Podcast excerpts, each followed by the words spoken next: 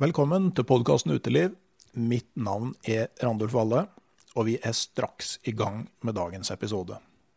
Men i tida etter den ble innspilt for ei drøy uke siden, så har det skjedd såpass mye at jeg vil si verden har blitt omtrent snudd opp ned, og derfor har jeg sett meg nødt til å lage en slags introduksjon. Da denne episoden her ble innspilt, så var det den naturligste ting i verden å sette seg i bilen, kjøre en drøy time nordover i Trøndelag, stoppe på en bensinstasjon og ta med seg en kaffe, treffe en håndfull fremmede personer og kjøre hjem igjen og fylle bensin på veien. Vel hjemme så kom beskjeden om at Camp Villmark var avlyst. Noe jeg må innrømme at alt da gjorde meg mer letta enn skuffa, men jeg hadde ingen betenkeligheter med å la dagliglivet gå normalt videre. Så skjedde alt veldig fort. To dager seinere kom beskjeden om at skolene skulle stenge, og nå er det allerede vanskelig å forstå at vi i det hele tatt lurte på om Camp Villmark kunne gå som planlagt. Tanken på 30 000 personer inne i en messehall ei hel helg virker ganske absurd nå. Vi er helt klart på vei inn i noe ukjent, og vi veit verken når eller hvordan det her vil ende. Koronaepidemien får konsekvenser på mange vis for veldig mange, og det er naturlig at vi både er engstelige og kanskje redd akkurat nå. Noen har klare oppgaver i sånne situasjoner, både i helsevesenet og i kritiske samfunnsfunksjoner, og jeg har respekt for dere. Jeg tenker at nå må vi rett og slett gjøre sånn som vi får beskjed om. I tillegg så må vi gjøre det vi kan for å ta vare på hverandre og for å støtte hverandre, enten det er økonomisk, med praktisk hjelp, eller rett og slett bare med å ringe noen som du vet sitter alene med tankene sine nå. Og det fine er at vi ser allerede masse tydelige tegn på at folk bryr seg om hverandre, og det varme. Det er ingen tvil om at sånne kriser får ut både det beste og det verste i oss, og forhåpentligvis mest av det beste. Og jeg tenker at jeg skal fortsette å lage podkast. For jeg tror at vi trenger en god turprat i disse tidene her, sjøl om det kan bli ei stund til neste opptak ute i det fri med en gjest. Til sjuende og sist så blir kanskje det her litt som å dra på en langtur. Man planlegger for det verste, håper det beste, tar en dag om gangen, og så gjør man det man kan for å holde humøret oppe for seg sjøl og andre underveis. Da er det tid for å komme i gang med dagens tema. Denne episoden er en samproduksjon med sjølveste Jegerpodden, og vi skal ta for oss en forfatter som vi alle tre syns burde fått mer oppmerksomhet. Det er en episode som jeg har tenkt på helt fra jeg starta podkasten Uteliv, og som jeg har gleda meg veldig til å dele med dere. Så da sier vi bare velkommen, så setter vi i gang episoden om Oddbjørn Lindsetmo, Namdalens svar på Mikkjel Fønhus.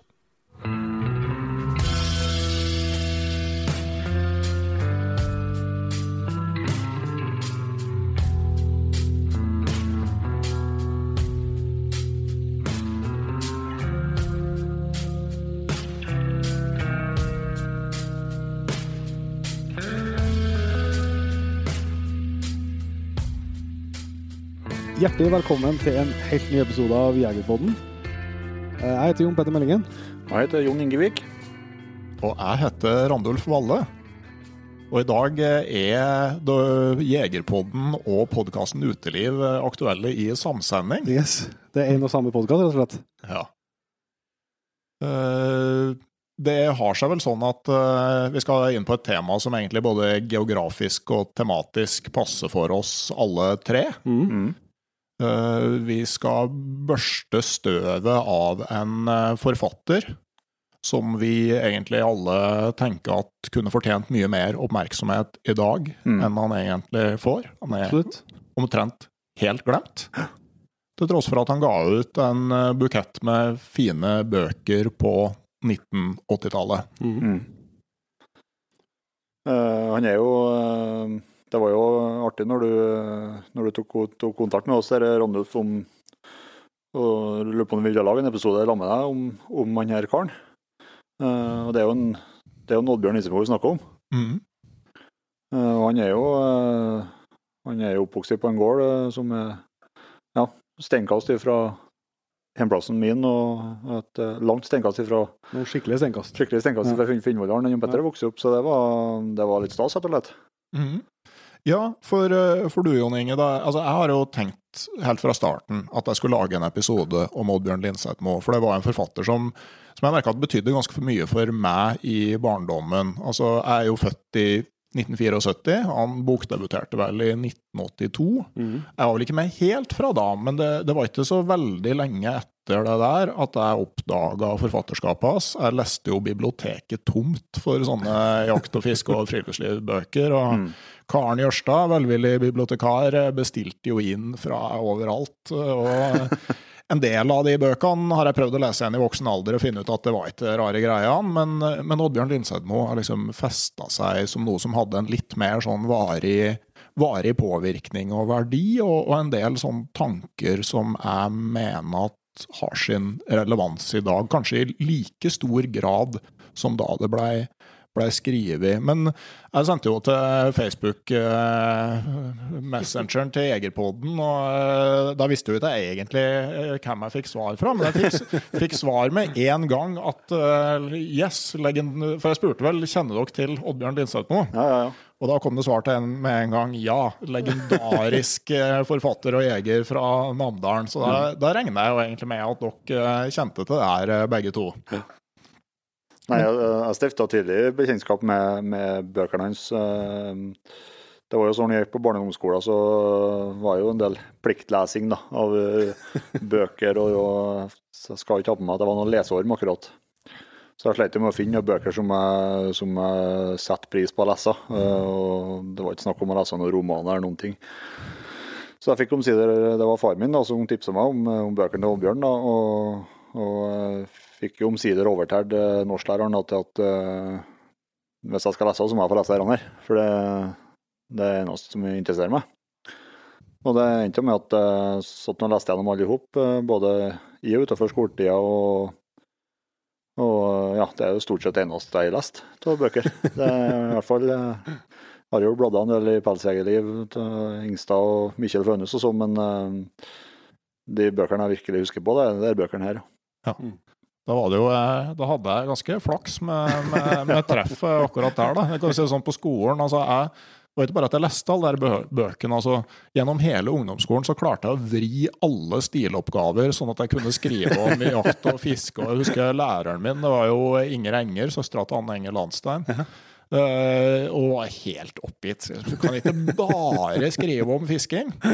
Men jeg tenker, det er jo det jeg har eh, gjort til levebrødet mitt. Så eh, jo, Inger, jeg kan bare skrive om jakt, fiske og friluftsliv. Det det viste jeg seg vil. at det, det, at det gikk bra, det. Ja, det, det spørs om det er et eksempel til etterfølgelse, men det funka for min del. Men, men eh, du Jon Petter, du, du hadde ikke noe forhold til Oddbjørn Lindsetmo fra før? Nei, det absolutt ikke. Og jeg syns rett og slett at det, det er merkelig, må jeg si. Eh, Jeg har jo lest ganske mye eh, av sånn type altså Alt som jeg kan komme over og sånt. Altså, ja, hele Fønhus-serien og, og sånt det har jeg vært gjennom flere ganger, og, og setter veldig stor pris på, på sånn, type, sånn type bøker. Eh, men jeg hadde aldri hørt om det.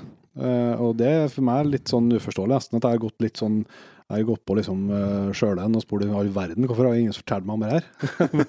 så jeg har spekulerer liksom på eh, at det er rart jeg ikke har fått noe gjennom skolegangen. på Det er jo ikke så mye forfattere fra en liten kommune som Nanskogan, liksom, så, så selv om han ikke bodde i Nanskogan når, han, eh, skrev bøkene, så er jo der historiene stammer fra i, veldig stor grad. Mm. Og det er jo der han eh, har røttene sine. Så det er, helt sånn underlig at jeg ikke hadde Men det er jo litt som du sier, at eh, eh, det er jo bra at vi i hvert fall kan gjøre en liten innsats på å prøve å uh, børste litt støv av et, eh, et navn som fortjener å være mer kjent enn det kanskje er. da. Mm. Ja, nei, for bare sånn, det, første du gjør i dag når du skal finne noe info, er jo så klart å bruke Google. Mm. Mm.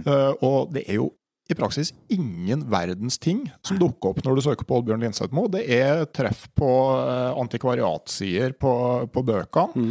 Ellers er det i praksis ingen verdens ting. Og det, det, det syns jeg var litt trist. Så jeg tok, eh, tok kontakt med familien. Jeg har vært i kontakt med to av sønnene hans. Og sier tusen takk til familien for at vi i dag får lov å lese en Mm. del fra, fra bøkene. Og de, de syns jo òg at, at det er hyggelig. Ja. Mm. At vi vi prøver å eh, kaste litt lys over forfatterskapet til Oddbjørn Lindsethmo. Mm. Og bare for å liksom legge premissene for det vi skal gjennom i dag, da. Så eh, altså, det her er ikke noe sånn derre biografisk djupdykk hvor vi kryssjekker med triple kilder og, og sånne ting. Altså, vi, vi vi tenkte å, å, eh, å, gå gjennom livet til Oddbjørn Lindsethmo sånn som han sjøl beskriver det mm. gjennom det han har skrevet. Og hvis noen uh, vil gå på en sånn research-gravejobb utover det, så, så, skal vel vi være de første til å danne fanklubb og heiagjeng for, for dem. Og legge oss flat hvis vi ser noe som viser seg å ikke være rett. Ja, det er, det er jo med de, med de, beste intensjoner, i hvert fall. Mm. Men jeg tenker, mm. ja, det er jo det som, det som jeg har gjort liksom, historiene eh, veldig spesielt for min del. Og grunnen til at jeg ble skikkelig gira på det, det var for at det er jo eh, Han kommer fra en gård som heter Linsepmoen. Eh, og fra begynte å være med på jakt eh, liksom hele ja, si, hele elgjaktvekka fra 25., så jakta vi på et jaktfelt som heter Linsepmoen. Og Det er liksom skogen som tidligere tilhørte gården. Og områdene liksom innover der. og det så jeg kjenner jo igjen så mye stedsnavn. Og liksom alt han beskriver av ruta han går, og hvor han fisker, og hvor han stiller inn på elgene og sånn. Mesteparten av plassene kjenner jeg igjen. Pga. at jeg har jakta der siden jeg var, jeg var med å jakta fra jeg var 10-11 år. Og jakta der sjøl, jakter jeg fortsatt ennå. Mm. I tillegg så har jeg vært gjeter og gjeta sau der hver dag hele sommeren i tre-fire år. Så liksom, det setter litt som ekstra spiss på, spiss på når liksom er Du kjenner igjen så veldig godt. da. Ja. Nei, for det, altså, da jeg leste det her for første gang altså Vi har jo ei av bøkene her. Jeg jo, fikk jeg tydeligvis til jul i 1987. Ja. Og da var jeg 13. Og, og når jeg leste det for første gang, så altså, Det kunne på en måte like gjerne vært uh, Davy Crocket uh, eller uh, liksom noe no sånn. Altså, det er på en måte bare historier som foregår et sted som du ikke har noe kjennskap til. Mm. Uh, og så blir du litt eldre og så begynner du å skjønne på en måte hvor det her er hen. Men det jeg merka nå, da, jeg, det er jo noen år siden jeg har lest uh, Oddbjørn Lindsethmo uh, liksom litt ordentlig. Mm. så når jeg begynte å lese opp igjen til vi skulle lage podkasten, så merka jeg at nå har jeg jo plutselig besøkt veldig mange av plassene som han skriver om. altså ja. Både i, sånn som i Børgefjell, men òg han reiste jo en del til Finnmark etter hvert. og det mm det, da får det en helt annen dimensjon ja, ja. når du kan, eh, kan, eh, se for deg Ulvefossen i Anarjokka mm. igjen, mm. f.eks. Så, så det, det, det, er artig å, å oppleve. Mm. Men uh, vi skal si noe om Oddbjørn Lindsetmo. En ting han først og fremst var, så tror jeg kanskje han først og fremst var elgjeger. Eh, at, at, det var på en måte årets høydepunkt mm. og det som på et vis sto over alt annet mm. uh, der. Jeg tror han skriver det i flere av bøkene, og så står det vel liksom dette uh, mer eller mindre at uh, vi som regner året som før og etter elgjakta, mm. er opptatt av Det er ikke tvil om at det, det svarer høy stjerne, nei.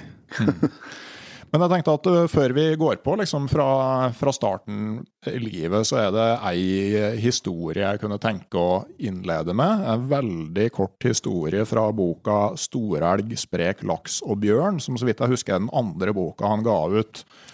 Og der er det en, uh, et lite stykke som heter 'Urtidsmorgen'. Mm. Det har rast uvær om natta. Vinden pep om hyttenovene. Regnet drønnet mot tak og vinduer. Utpå morgenen letter det. Skyene driver hastig over himmelen. Bekkene skvaler i en hissigere tone, skogen står nyvasket og dryppende. Det siste lauet er røsket av trærne, over dalsøkkene ligger det flak av tåke. Vinden kommer fra vest. Hundenesen kommer opp straks vi har begynt på vandringen innover den bratte fjellsida. Så stanser hunden trekker ut på en avsats. Den setter seg ned. Nedenfor avsatsen, 100 meter borte, går det ei elgku og en kalv og beiter i et seljekjær. På en snau, liten morenerygg tett ved står en elgokse, urørlig, speidende utover dalen nedenfor. Elgkua kommer bort til oksen, strekker hodet fram, legger det skrått over korsryggen til oksen. Kalven beiter fortsatt i kjæret. Oksen og kua rører seg ikke, super bare morgenen inn i hvitt utspilte nesebor. Jeg løfter rifla, prøver sikte, senker geværet. Trekker meg sakte tilbake. Hunden skotter opp, spørrende i blikket. Jeg kan ikke. Stille rusler vi vekk og videre vestover. Litt uh, kjenner, Du kjenner jo det? Ja, får litt gåsehud. Ja, det gjør det, altså. Det har jo noe med at en, uh, Randulf er jo eh, veldig dyktig til å lese fra tekster òg. Ja, Så, vi, eh, vi, skal, lese- vi skal prøve oss, vi òg. Vi, vi er jo mer på niendeklasse niende klasse norsk, vi. Men, eh, det er, men det er jo utrolig eh, Ja, det gir jo et godt eh, første møte med, med bildene jeg er i stand til å skape, da. Eh, Ja. Og samtidig så skal vi jo selvsagt eh, ta forbehold her, men, men eh, det viser jo litt eh, Og det ser en jo i det, det har i hvert fall, altså litt av naturmennesket òg. Så han er åpenbart en eh, både dyktig og ivrig jeger, men samtidig så, eh, så liksom har han så stor glede og respekt og fascinasjon for naturen at, at det øyeblikket ble så, ble så sterkt at det ble ikke rett å avslutte med et skudd da, den gangen. Nei. Selv om han eh, forteller jo veldig mye om det i, i mange historier. Mm. Har dere, eh, altså, dere har jakta mye mer enn meg, altså har dere hatt noen sånn type situasjoner hvor dere har holdt igjen skudd rett og slett bare for at det sånn emosjonelt ikke har føltes riktig? det har jo blitt nevnt i podkasten i løpet av sist uh, høsten her, Petter, at uh, det viser seg at du har litt bløtt Ja. Du er litt bløthjerta, du òg. Ja. Nei, altså, jeg, jeg, jeg klarer jo ikke å beskrive det kanskje med samme ordene som eh, Oddbjørn gjør, det da, men eh, jeg har du hatt noen sånne, sånn type opplevelser. Uh, jeg som eh, er litt, jeg opplever litt i samme gata likevel, da. Det var jo i høst når jeg var eh, den eh, store drømmen om å få felle en, en eh, bra elgokse i, i los for egen hund. I liksom drømmeterrenget i fjellet, og alt stemte, da. Eh, fantastisk spennende opplevelse som og rakk og, og sånn. Og når jeg skjøt den oksen, så datt den i hop og var død på, eh, på stedet. Og da mm, hadde vi jo mer elg enn på kvota og sånn, men idet den detter, så, så kommer det òg fram ku og kalv bare på 30 meter. Og det er jo liksom i refleks eh, så er jo rødprikken der den skal være på den kalven òg. Men da får jeg en sånn opplevelse. Eh, litt i det samme gata føler jeg at eh, det føltes ikke rett å skjøte det, da. Altså nå hadde jeg, hadde fått jeg hadde fått nok. Opplevelsen var så stor, eh, og jeg ville liksom ikke eh, det, det, var, det, var, det bare kjentes ikke rett å, å trekke på avtrekkeren i det, i det øyeblikket. da. Eh, så jeg har litt, eh, i hvert fall opplevd eh, litt av det samme. Altså at Da hadde jeg riktignok fått en fantastisk gave, men, men det er jo litt den samme følelsen tror jeg, som ligger, som ligger bak det. At, at det her øyeblikket her skal vi ikke, skal vi ikke gjøre noe mer med. Det får være sånn som det, sånn som det ble. Mm. Så det tror jeg jeg opplever, og det tror ikke jeg er noe, noe unikt for, for meg. Altså. Det tror jeg er mange som, som kjenner seg igjen i både at det kanskje man har vært å avstå fra, fra, fra skudd, eh, eller òg at man sitter med litt uh, følelse av et antiklimaks etter man har skutt i. Mm. At man kjenner at uh, selv om jakta kan jo si sånn per definisjon har lyktes, så føles det ikke, føles ikke rett der og da. For det var et eller annet i situasjon, eller kanskje hadde opplevelser uh, vært enda større og enda bedre hvis man avslutta uh, litt tidligere. Så, så det tror jeg, tror det er flere, så jeg tror ikke det er unikt å, å kjenne litt på en følelse der som, som jeger, altså. Og det, det tror jeg jo er noe av um, det er noe av det som det er veldig vanskelig for oss som han klarer å få fram på en veldig god måte, syns jeg, den eh, lille teksten du leste der, men som er veldig vanskelig for oss jegere ofte å få fram eh, i møte med motstand mot jakta. Altså akkurat den der eh, at det ikke er noe nødvendigvis et ønske om å ta liv, eller det er aldri, aldri noe hat, det er snakk om aldri noe sånt, det er aldri noe sånt som ligger bakom. Det, det, er, det, er liksom en, det er en følelse som man snakker om urtid, det er et eller annet som er veldig vanskelig å sette ord på, men som er veldig tydelig for de aller fleste jegere, tror jeg. Mm. Så det gir absolutt uh, mening, det han beskriver, syns jeg. Ja, og så syns jeg eh, det Altså, eh, eh, vesle teksten sier jo altså, Det gir jo en dimensjon til han som person, og så tenker jeg òg at eh, altså, det er jo en utrolig fin tekst, og jeg tenker på Gjennom jobben så var jeg på et seminar her i fjor høst med, med Kjetil Østli, som har skrevet Lars Monsen-biografien, og han er sånn som Mm. er, som er en kolossalt flink journalist, som fortalte litt om, om historiefortelling. Da. Altså hva er måte, trikset for å få leseren med seg på en historie? Og de, de to første punktene hans, det er at eh, for det første, leseren må se det for seg. Mm. Og det andre at leseren må føle noe. Mm. Og jeg tenker her, altså, Har du noen gang vært ute en tidlig høstmorgen, det har slutta å regne i løpet av natta altså, Har du noen gang sett det der, så får den teksten av det her til å se det for deg. og Jeg kan jo ikke eh, si noe sikkert om det, men jeg ser for meg at om du aldri har vært ute en tidlig høstmorgen, så får du et bilde på hvordan Mm. det er. Og at det appellerer til følelsene videre, det er jo helt, helt åpenbart. Det, er- du ser liksom, på en måte- det er jo nesten liksom som du ser for deg en liten familie. ikke sant? Med, sånn at eh, det, det, det er liksom ster, sterke og gode virkemidler han, Yes. han eh, bruker for å få fortalt det som du sier at kanskje for mange jegere er vanskelig å, å formidle. Mm. Så eh, jeg syns det er en veldig fin liten historie. Ja, det er det. Helt klart. Mm.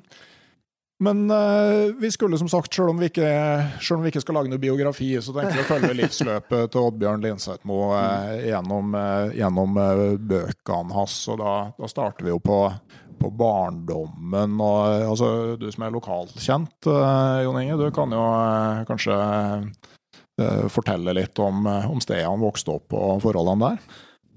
Ja, altså det, det er jo Linsepmoen eh, som er liksom heim, heimplassen hans, da, der han vokste opp. Um, det er jo For dem som er, som er litt halvkjent, så har vi jo en liten turistattraksjon som heter Nånskamp familiepark. Der Avkjørselen er jo bare en par kilometer eh, sør for familieparken. Tar til venstre, nei, tar til vestover, rett over Namsen, og så, så er det første gårdene du kommer til. Og Det ligger da to, to gårder tett i tett. Der den, den ene gården da, som er, som er som tilhørte som var liksom hjemplassen til Oddbjørn. da. Eh, og der, der var jo broren hans uh, eide jo den gården helt fram til helt fram til de ikke ja, kunne, kunne leve av det lenger. da. Og han uh, Agnar het han, han var, det var en fining, han broren der. Han uh, sant, han var jo på sånn måte med Oddbjørn, så var jo han Det var liksom elgvollet vårt der, der, der vi ledde til Statskog. da. Det var liksom, det var, der, det var plassen hans. Han har hytte midt inne i terrenget der. Og da har han avkjøring på sida av veien. Uh, som var sånn ste, steinfylling. Så var jeg rett nedi, nedi et vann der, da. Eh, og han, eh, det var litt, bestandig skummelt å treffe en Agnar etter veien, for han, eh, han så, om han så i det hele tatt. Men det var i hvert fall veldig lite han så. Så han, eh, på parkeringa hans der så kjørte han fram, og så skulle han rygge ut på denne fyllinga. Og der lå det tømmerstokker på kanten til fyllinga.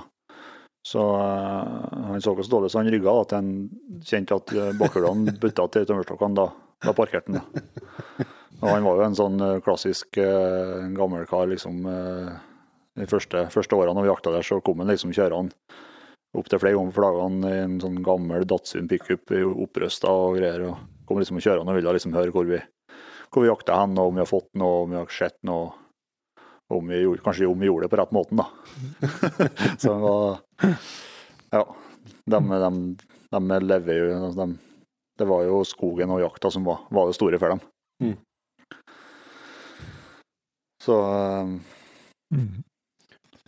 Det er noe med Når vi er på oppveksten der, og som eh, Nå er jeg som eh, av dere vet minst om en Oddbjørn, men som har lest meg til i bøkene, så er det jo klart at det, eh, er jo tross alt ikke så veldig fjernt eh, i sånn historisk perspektiv. Altså det, vi er jo på, på eh, 30-tallet, men eh, Men eh, eh, 20-30-tallet.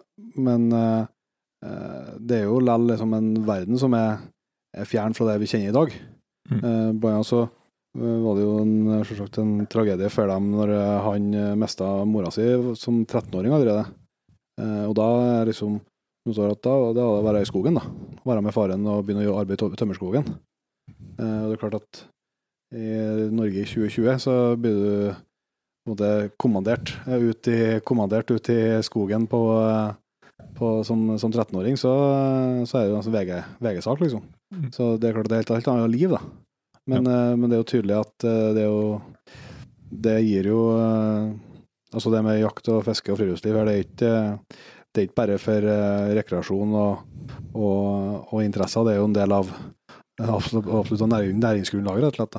Mm. Ja, han, han skriver jo en del om det, hvordan sånn som eh, altså, naturen, eh, hvordan de brukte den, eh, og at både jakt og fiske var en veldig sånn, viktig del av livsgrunnlaget på gårder, sånn som de drev med mye utmark og, Mm. og lite innmark. At du begynte med vårfiske i elva rett ved, ved gården og flytta fiske innover fjellet. og at både elgjakta og, og fuglevilt og, og pelsjakt var jo en av de få kildene til, til kroneinntekt. Mhm. Eh, At eh, det, det er virkelig ei, ei helt annen eh, tid. Han var jo født i 1935. Han var det. Mm. Eh, Så, og han skriver, de skriver at da, da krigen kom, så, så flytt, begynte familien å ta opp igjen seterbruken om, Mm. om sommeren. At de da flytta hele familien på setra sommerstid, antagelig for bedre å kunne utnytte eh,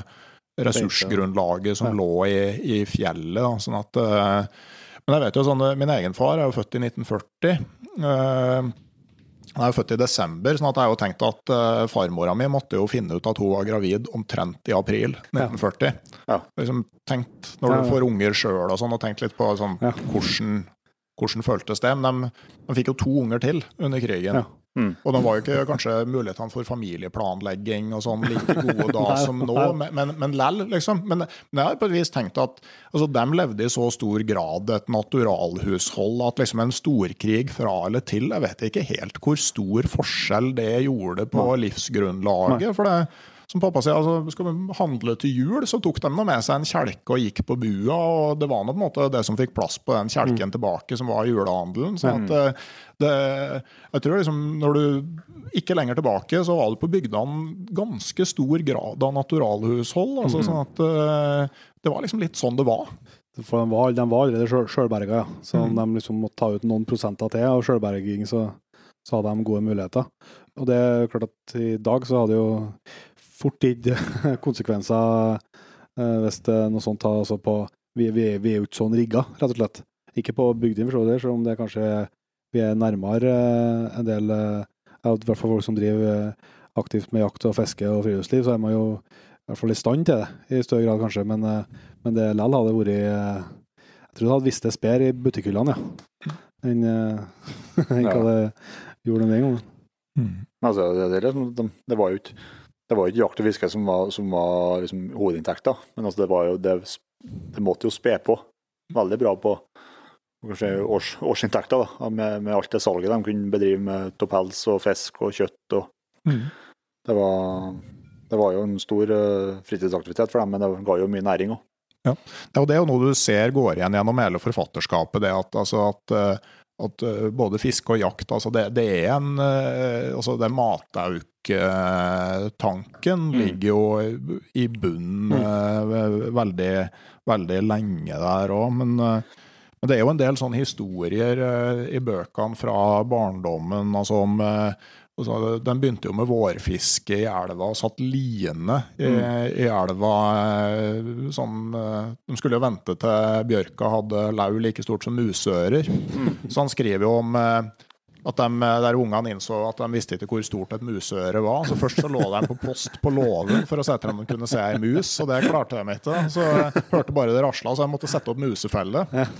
Og morgenen etterpå så var det gått mus i fella, da var det rett til skogs da, for å se etter om det var større eller mindre. Og, og lauvet var større, så bare å hive fra seg kvist og eh, smågnager og, og stikke og grave mark, da. For da, da var det lov å begynne å fiske. Det. Det var altså inngrodd der med musørene at å begynne før, eh, før det var i boks, det var ikke snakk om. Nei. Mm. Det, det er fin tidsregning, vet du. Ja. Før etter musørene. Ja, det er jo, også er det jo, det er jo en, eh, det er i hvert fall en par, en par fine historier fra bøkene som, som jeg ber på meg å gå opp merke til. Liksom, eh, eh, og det er kanskje spesielt rundt altså, eh, Det som går igjen overalt, det er jo liksom de avstandene de tilbakelegger, eh, som virker helt fjernt nå. Altså en ettermiddagstur eh, når de skal ferde fisk. Det er, jo, det jo snakk om mange kilometer å gå. Eh, som ja, med sånn den der historien som min barndomselv, liksom, som, som går på at de for og fiska liksom på ettermiddagene bare for å ha til kveldsmat og frokost og sånn. Og så er det en annen historie som heter Storvasskjønning. Ja. Det er jo uh, ifra den gården der de bodde og til de Kjønning, det er, det er en bra marsj, altså. Uh, og det var liksom var med faren, faren dit uh, på, på ettermiddagene og fiska. Og, og så syns jeg det er en annen ting som er som jeg syns er, er, så fint i historiene. For at han, han det, det, ligger litt meninger bak dem òg. Blant annet det med det var ikke Storåskjønninga som som, som, var liksom kjempebra, kjempebra fiskevann. Og, og, og, så presiserer liksom det at i Namdalen så er all ørret og rør sånn, som er over kiloen, det er storfisk. Mm. Uh, og så plutselig en dag de var der, så fikk de, uh, fikk de rør i ene kjønna. Og da, da, var liksom det var, det var krise. For da visste de at den, den kjønna var nært ødelagt. Og da hadde de liksom prøvd å, prøvd å fiske tom for rør, så, så nytta ikke. Og, og en stund etterpå, da de kom dit, da var det bare liksom smårør å få, og da var, da var den kjønna liksom ødelagt. Og at de var liksom imot det med utsetting til fisk. Og... Klassisk bommert der med å sette ut, uh, sette ut røye, for det er jo mm. Som ørreten så kan du jo kontrollere på formeringa om det er gytebekk eller ei, mm. men mm. røya som gyter på stille, og mm. du får den der brøken mellom mattilgang og tilgjengelige gyteområder, og er det mye av gyteområdene, så blir det småfallen fisk. Det, mm. Tusenbrødre. Det blir, blir det. Mm. det.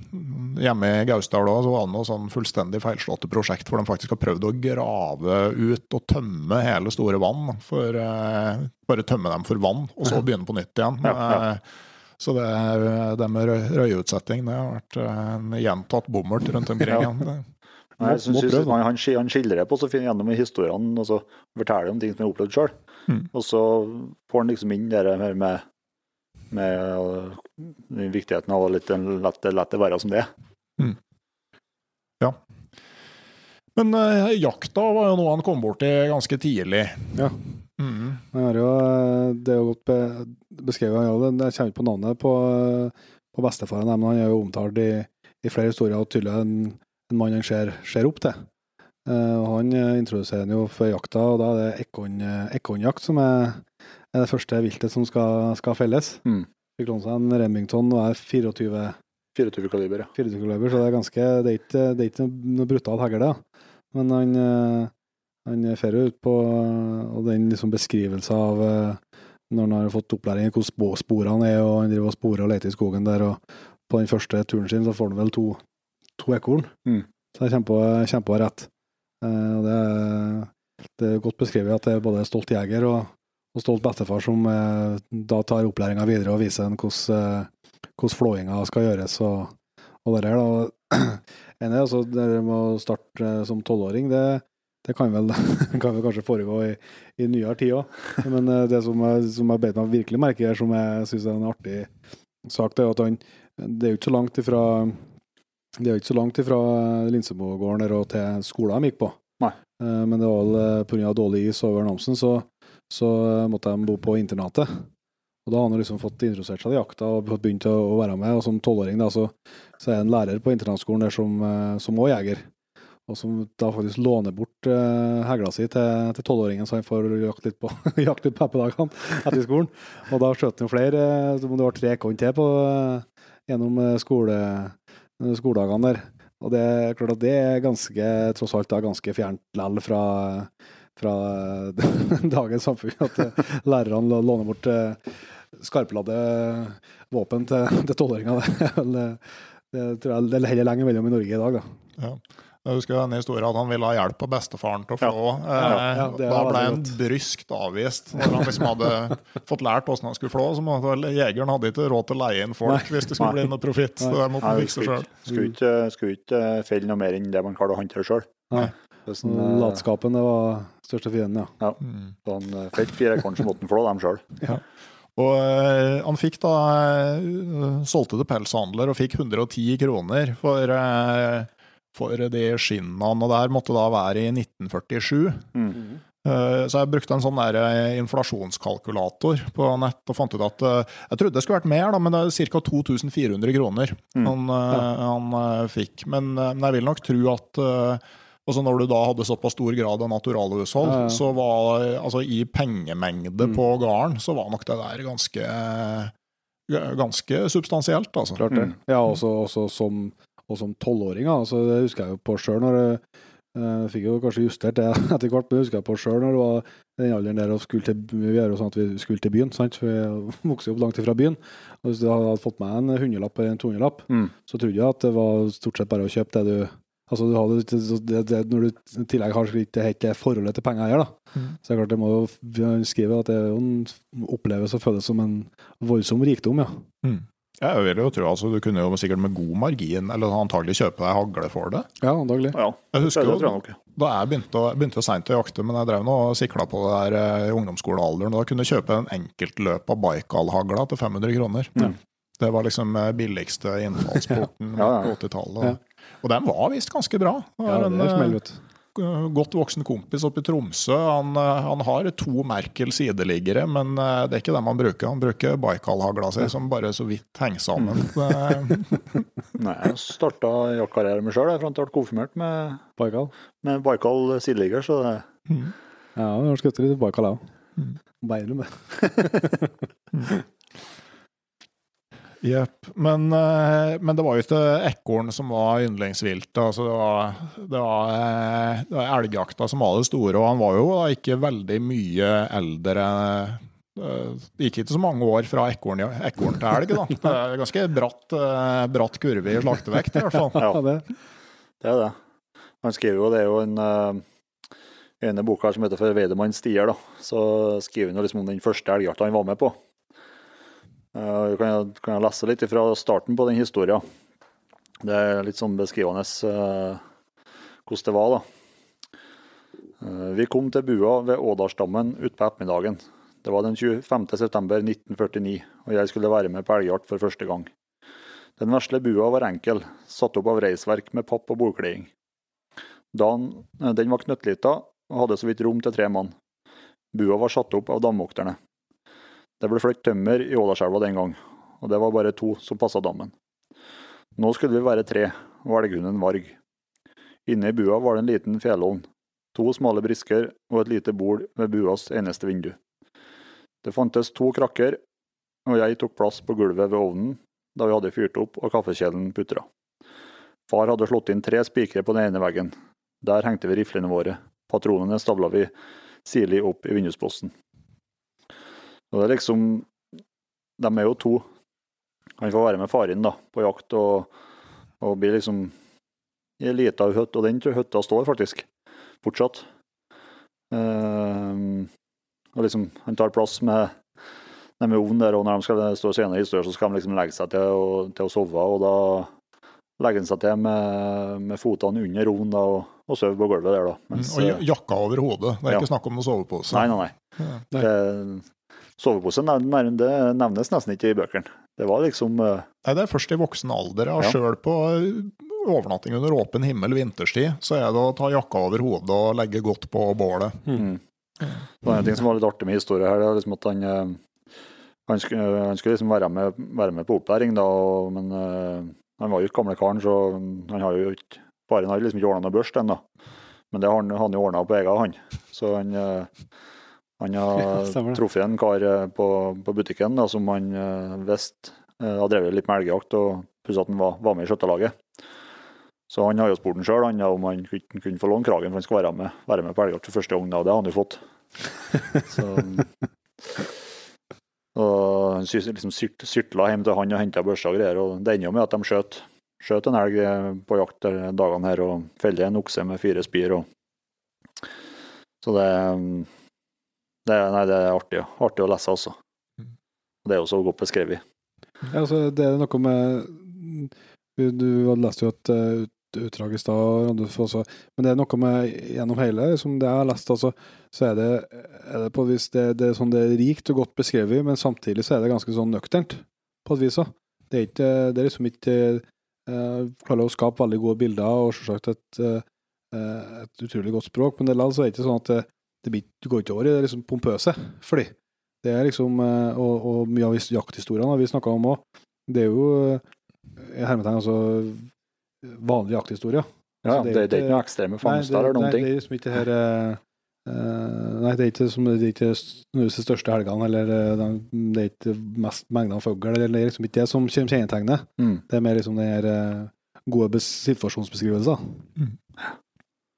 Men, det- men det er jo ganske annet Altså, Jeg jakter jo ikke elg, da, det, det gjør jo dere. Men, men, men sånn fra mitt sånn litt fordomsfulle ståsted, så tenker jeg da at uh, det er ikke akkurat sånn man jakter elg i dag. Nei, det er vel uh, Det er langt mellom det, ja. Det, Det jo- det, er jo varierer, det varierer jo. varierer. Og det er jo sånn, altså, jeg og Jon Petter setter fortsatt pris på vi òg.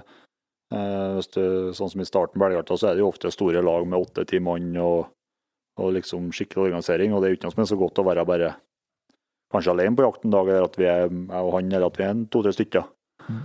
Det er jo Jeg syns fortsatt det er finest jaktdagene. Ja, og så klart så er det jo, så er det jo litt sant eh, etter hvor, eh, hvor eh, viltbestandene er, da. Sant? Altså, det er jo det er ikke noe tvil om at når det kommer på elg, så, så er, de jo, er det jo mer elg i, i kulturlandskapet. Og klart det, da, det innbyr ikke alle plasser til, til den, som den, den jakta han beskriver her, da. Og det, det er mer folk og gårder og veier, og, Mm. men selv om, det, selv om det er viltrikt der. Ja, jeg tenker Lytterne deres vet jo mye om hvordan elgjakta har endra seg fra 40-tallet til i dag. Men sånn Mm. for, for, for dem som normalt hører på podkasten Uteliv, da, så kan dere liksom trekke opp litt sånn altså, hvordan, hvordan er endringene ja, Vilttetthet har dere vært innom, da, at den har blitt større. Men altså, er det også større jaktlag? Er det andre måter å utføre jakta på? Det, er så, det, det, det, er nok, det er nok både, både likheter og ulikheter, men uh, i hvert fall den jakta han beskriver, så, så er det jo forholdsvis små jaktlag Mm. det er snakk om. sant? Altså det, er- de er en tre, fire, fem stykker. Nå er det nok uh, på mange jaktlag flere, og det er nok, uh, det er nok flere årsaker til det. En av årsakene er jo at det er et økonomisk spørsmål. At for mange så er det vanskelig å få til elgjakt hvis du skal være bare to stykker, liksom. Mm. For at det er to stykker ofte det er regninga på. Og det blir større, tall enn om du er ti. Eh, Så det er nok en, en del av det, samtidig som at, at den økte eh, vilthettheten nå gjør at, eh, at du feller mer vilt. Og det er jo, det er jo godt beskrevet i bøkene til Oddbjørn òg, men det er jo jobb med å ta vare på det viltet du feller. Sant? Med å få frakta det og få slakta det og, flådd og ordna. Mm. Så, så det er jo det er forskjell på om du skal ha tak i tre elger, eller om du skal ha tak i 15 eh, på den eh, på arbeidsmengden. da. Så i den tid så har det skjedd ting på åpenbart på, på utstyr. Eh, altså med Sjøl om egentlig så, så syns jeg det har skjedd så utrolig mye der. Når du, hvis du sammenligner veldig mange andre deler av samfunnet fra 40-tallet og fram til nå, så er jo selvsagt eh, revolusjonen mener jeg, langt større enn enn hva du finner i Elgskogen.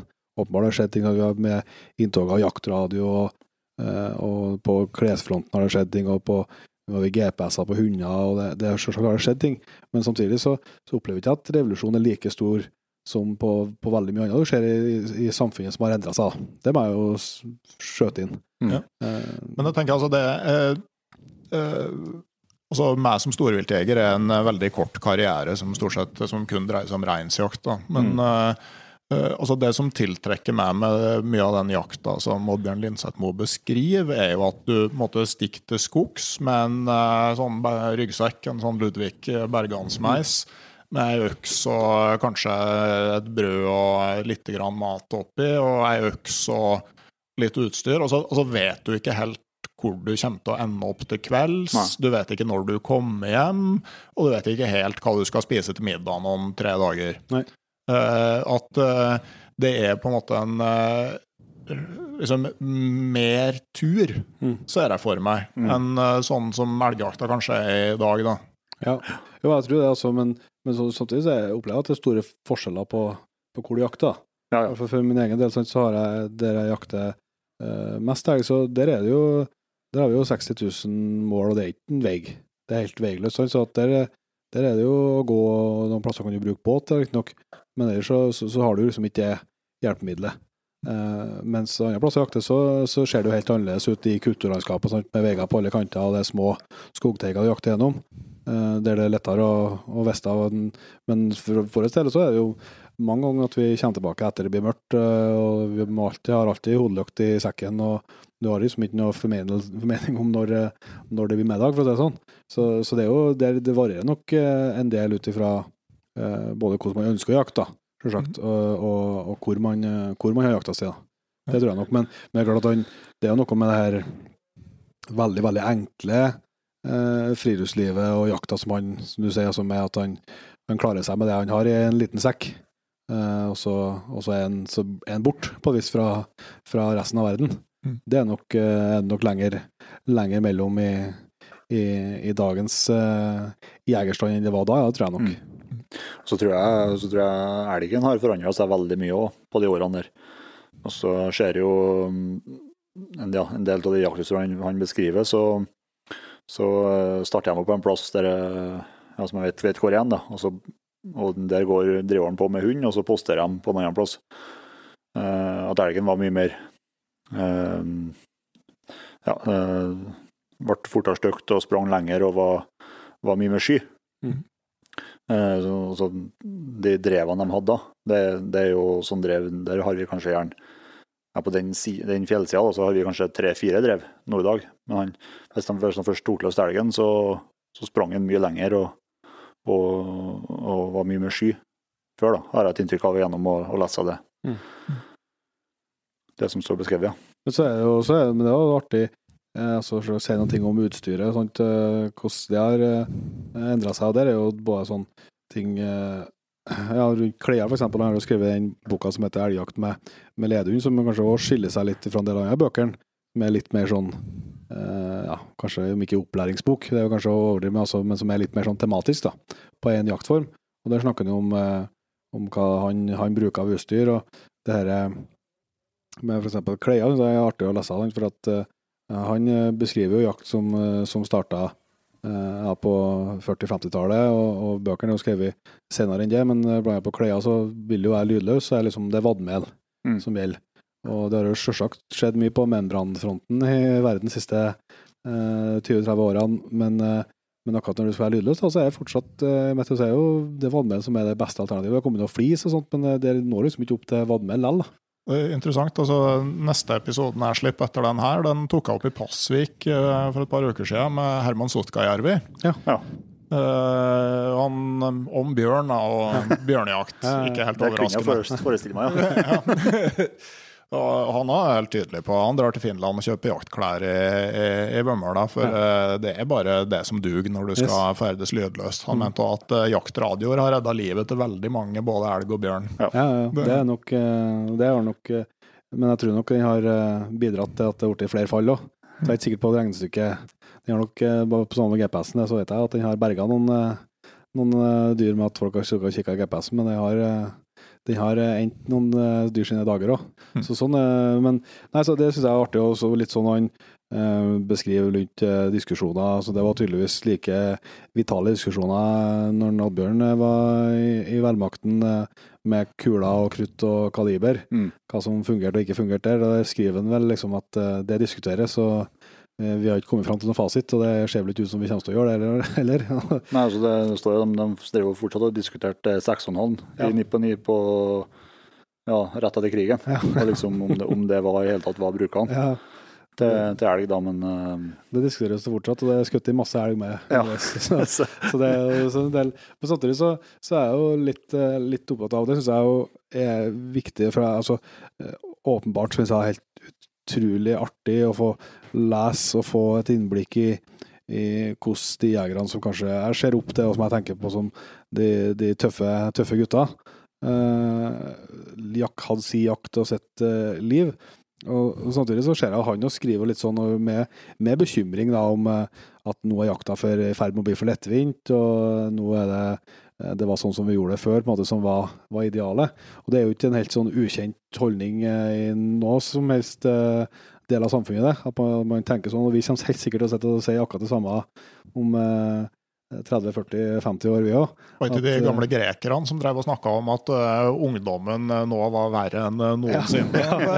så, så jeg tror du, du finner igjen litt uh, finhet til det. Og, og så selvsagt så, så går det helt klart an å peke på gode poeng i, i det, Mm. eh, som du er inne på her òg. Men, men samtidig så er det viktig å tenke på at eh, i hvert fall for, for oss som tilhører den unge delen av jegerstanden, ja, så, så er det viktig å tenke på sånn at eh, Oddbjørn var jo et produkt og en jeger av si tid, og vi er av vår tid. Mm. Og så går det, tenker jeg sånn Egentlig så tenker, kan man ikke sitte og si at eh, noe er rett og noe er feil. For at man er, man er på en vis et produkt av den, den tida man er, og så kan man selvsagt hente inspirasjon og elementer fra hverandre. Det tror jeg nok er sunt. Men det går liksom ikke an å, å si at uh, noe er bedre enn noe annet. Det tror jeg er en skummel, eh, skummel vei å gå. da. Sjølsagt, det er jeg helt enig i. Jeg tenker bare, Det bare slo meg at den elgjakta der kunne jeg hatt lyst til å være med på. Yes. Ja. Men det er bare, Ehm, det er bare å si ifra, skal du få komme hjem sent, ja. Ja, ja. Bare, bare sånn digresjon her. Hvis du virkelig skal ha ødemarksjakt Mm. Ja. med store logistikkutfordringer, så skal du ta et av de aller innerste vallene i Øvre Anárjohka nasjonalpark. ja. Det kan jeg Ja. tenke meg. Det har jeg tenkt på at måtte vært artig. Jeg snakka med Sven Engholm, hundekjøringslegende som holdt til i Karasjok. Mm. De hadde prøvd det her et år, brukt kløvhest og elvebåt og det som var. Det var fryktelig artig, men det, men det tok mye tid. Ja. Mm. Og det er kanskje også litt nøkkelen. Yes. Altså, før så var det ting tok den tida det tok. Mm, mm. Nå skal vi ha altså Enten det gjelder skiferie eller elgjakt, ikke sant? Mm. så skal du ha eh, opplevelsene lina opp på den tida som du har satt av. Yes. Det er ikke omvendt. Mm. At du stikker til skogs, og så blir du der til du har gjort det du skal. Nei. Nei, det det, er et veldig godt poeng. Så ja, Det er andre historier der som, som beskriver det veldig godt eh, i en bok om storelg, spredtaks og bjørn. Eh, Det handler om en elgjakt som de eh, holdt på med i Linsetdalen. Eh, Det er en Ja, jeg anbefaler alle å ta turen dit. Eh, Nå kan du kjøre eh, bil nesten fram til enden på dalen. da. Eh, og Det er, sånn, det er et flott område, for det, det er elv i bunnen hele turen, og så er det veldig bratt i, kanten, i kantene i starten og ulendt terreng. Men så når du kommer noen kilometer innover, så, så flater det ut, og det er, det er, ja, er som villmark inni her, og det er helt ypperlig. Og selvsagt godt beskrevet i boka. Det er sånn, de, de jakta der en dag da det var, de var tre brødre, og så var det en far sjøl, da. Eh, sånn Oddbjørn og Agnar og, og broren til, og så faren. Og eh, de jakta der en dag, og da liksom, ja, når det nærma seg slutten på dagen, så fikk de se at det var, sto elg innerst inne i dalen. Eh, Og konkluderte med at eh, dette her rekker vi ikke i dag. Så da mm, tar vi dem neste dag. Og da, da er det ikke å gå ned til bilen og kjøre hjem til gården. Da går de ned, og så er det hest tilbake til gården, og sikkert sendt fram når det er mørkt og sent. Og så er det på ny inn dagen etterpå. Da tar de en annen vei da via, via Stromdalen og Tverradalen over fjellet. Eh, Og da har det blitt snø om natta og dårlig sikt, men de kommer omsider inn i dalen der og, og får eh, omsider se, se en elgfamilien der da, med, med en stor okse og ku og kalv. Og, og ene broren eh, tar, tar med seg hund og, og skal gå seg inn på elgene, mens de tre andre skal postere. Eh, og de kommer seg liksom nedom, nedom de har fått sett dem med kikkert, og, og kommer seg nedom, nedom elgene. Og så faren og, og Toto Bjørn da legger seg ned og skjøter ett skudd samtidig på oksen, og den, den klapper jo opp, da. Så Da, da er det på dag to av den jakta. Og så er det jo å, å vomme ut og klargjøre den der, og det er jo ikke snakk om at de Da er de også over en mil fra nærmeste vei de kan kjøre med hest. Og da eh, er det jo å klargjøre den, og så er det ned igjen. Ned til gården, og så opp igjen nedpå. Med hest og slede. Og, og da har de tenkt de skulle kjøre ned hele elgen, eh, hele elgen eh, eh, altså ikke flådd, da, på kjelken. Men den var jo rimelig stor. da, jeg tror den var det var en tolvspiring, ja. Skikkelig stanghornokse på 327 kilo, ferdig slakta. uh, og det ble selvsagt for tungt med hud og, hud og hode og hele pakka, så ble det for tungt til hesten. Så da måtte de flå den den til fjells da, og kjøre, den- ned bare kjøttet. Mm -hmm. En mil i dårlig terreng eh, på snøføre, og det var jo med livet som innsats både for jegere og hest. da. Ja, det er der den beskriver den hesten som eh, Ja. på et punkt tydelig forstår at uh, det her er farlig, Mm. og at nå eh, gjelder det liksom Et- å ta ett skritt om gangen og Ja. sørge for at du har eh, godt feste. Ja, det um, får jobba. Eh, Skal vi ta og flytte oss videre til, til ungdomstida? For det, det ble jo ikke noe mye skolegang på, på Oddbjørn Lindseth-Mo. Han, eh, Mora døde da han var 13, og det bars rett til, til skogs. Så ble vel eh, skolegangen ble vel av, uh, avslutta pga. krigen, og, og at det ble Ja, skolen ble brukt til noe annet, rett og slett. Så amputert, eh, amputert skolegang, ja. Men eh, han, han hadde jo en ungdomstid eh, med et ganske sånn fritt liv, har jeg inntrykk av. Altså Jobba litt her og jobba litt der, som Mm. det passa seg. I tømmerskogen. Som, mye som tømmerfløter. Ja. Vel- Velkjent tømmerfløter i, i distriktet. Og, eh, og det Der òg, altså han, han, skriver jo om, om det derre tømmerfløtelivet, og, i hvert fall sånn når han skriver om det i ettertid, så framstår det som en veldig sånn her fri Mm. tilværelse. Men, men det, de måtte jo jobbe ekstremt lange dager og tungt fysisk arbeid, men det virka som noe av det at du hadde ikke noen sjef som sto og fulgte med på deg, eller noe sånt, at det er noe med det der som skapte en frihet. Da. Mm. Ja, det var, ikke, det var jo til dels med livet som innsats. Å få med, få med tømmerlasset nedover elva.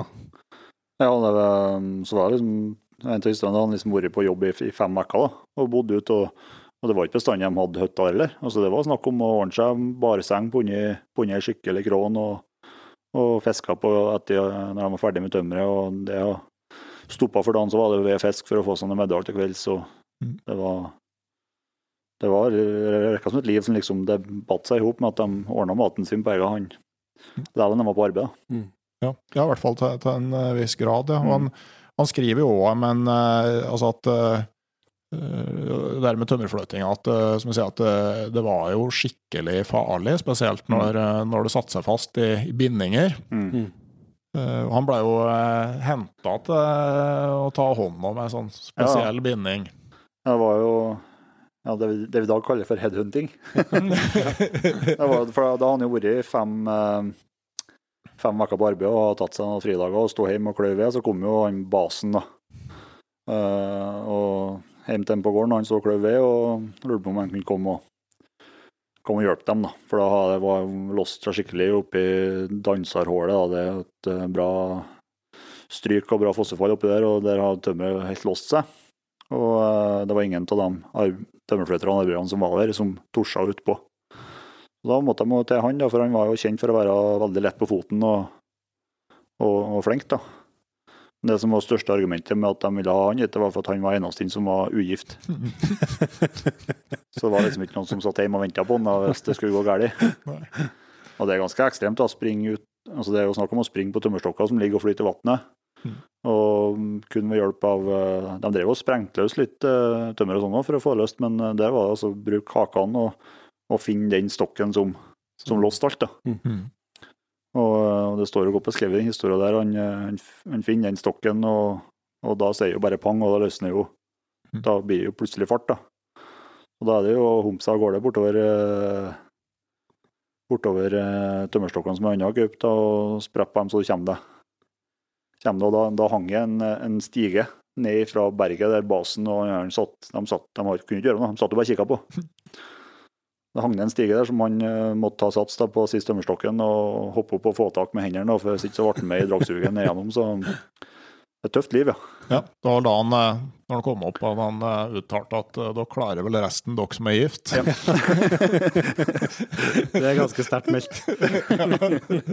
han eh, beskriver jo at han var rimelig skjelven etter Ja, det ja, der. ja. At, eh, Men jeg, kommer- jeg kommer liksom stadig tilbake til det. Altså, for at når du liksom ser på et sånn historisk perspektiv, så, ser jeg så Det er så kort tid siden. Mm. Men samtidig så utrolig annerledes. ja. Så jeg altså, Se for deg at du altså, i dagens velferdssamfunn, liksom at det skal komme en sjef liksom og si at uh, vi har vi har gått gjennom arbeidsstokken, og det er minst konsekvenser hvis det er du som ryker. Ja. Så du kan ikke komme, altså, det, det er helt, altså, helt sånn utenkelig, selvsagt. Ja. Eh, på godt og vondt, åpenbart. Men, eh, men ja, det, det er jo, når alt kommer til alt, så er det jo mye på godt. da. At, Jo, jo, jo, at absolutt, du- absolutt. At ingen forventer at du skal sette livet på spill på, eh, på, på jobb, er jo i utgangspunktet en positiv ting, tenker jeg. det er luksus.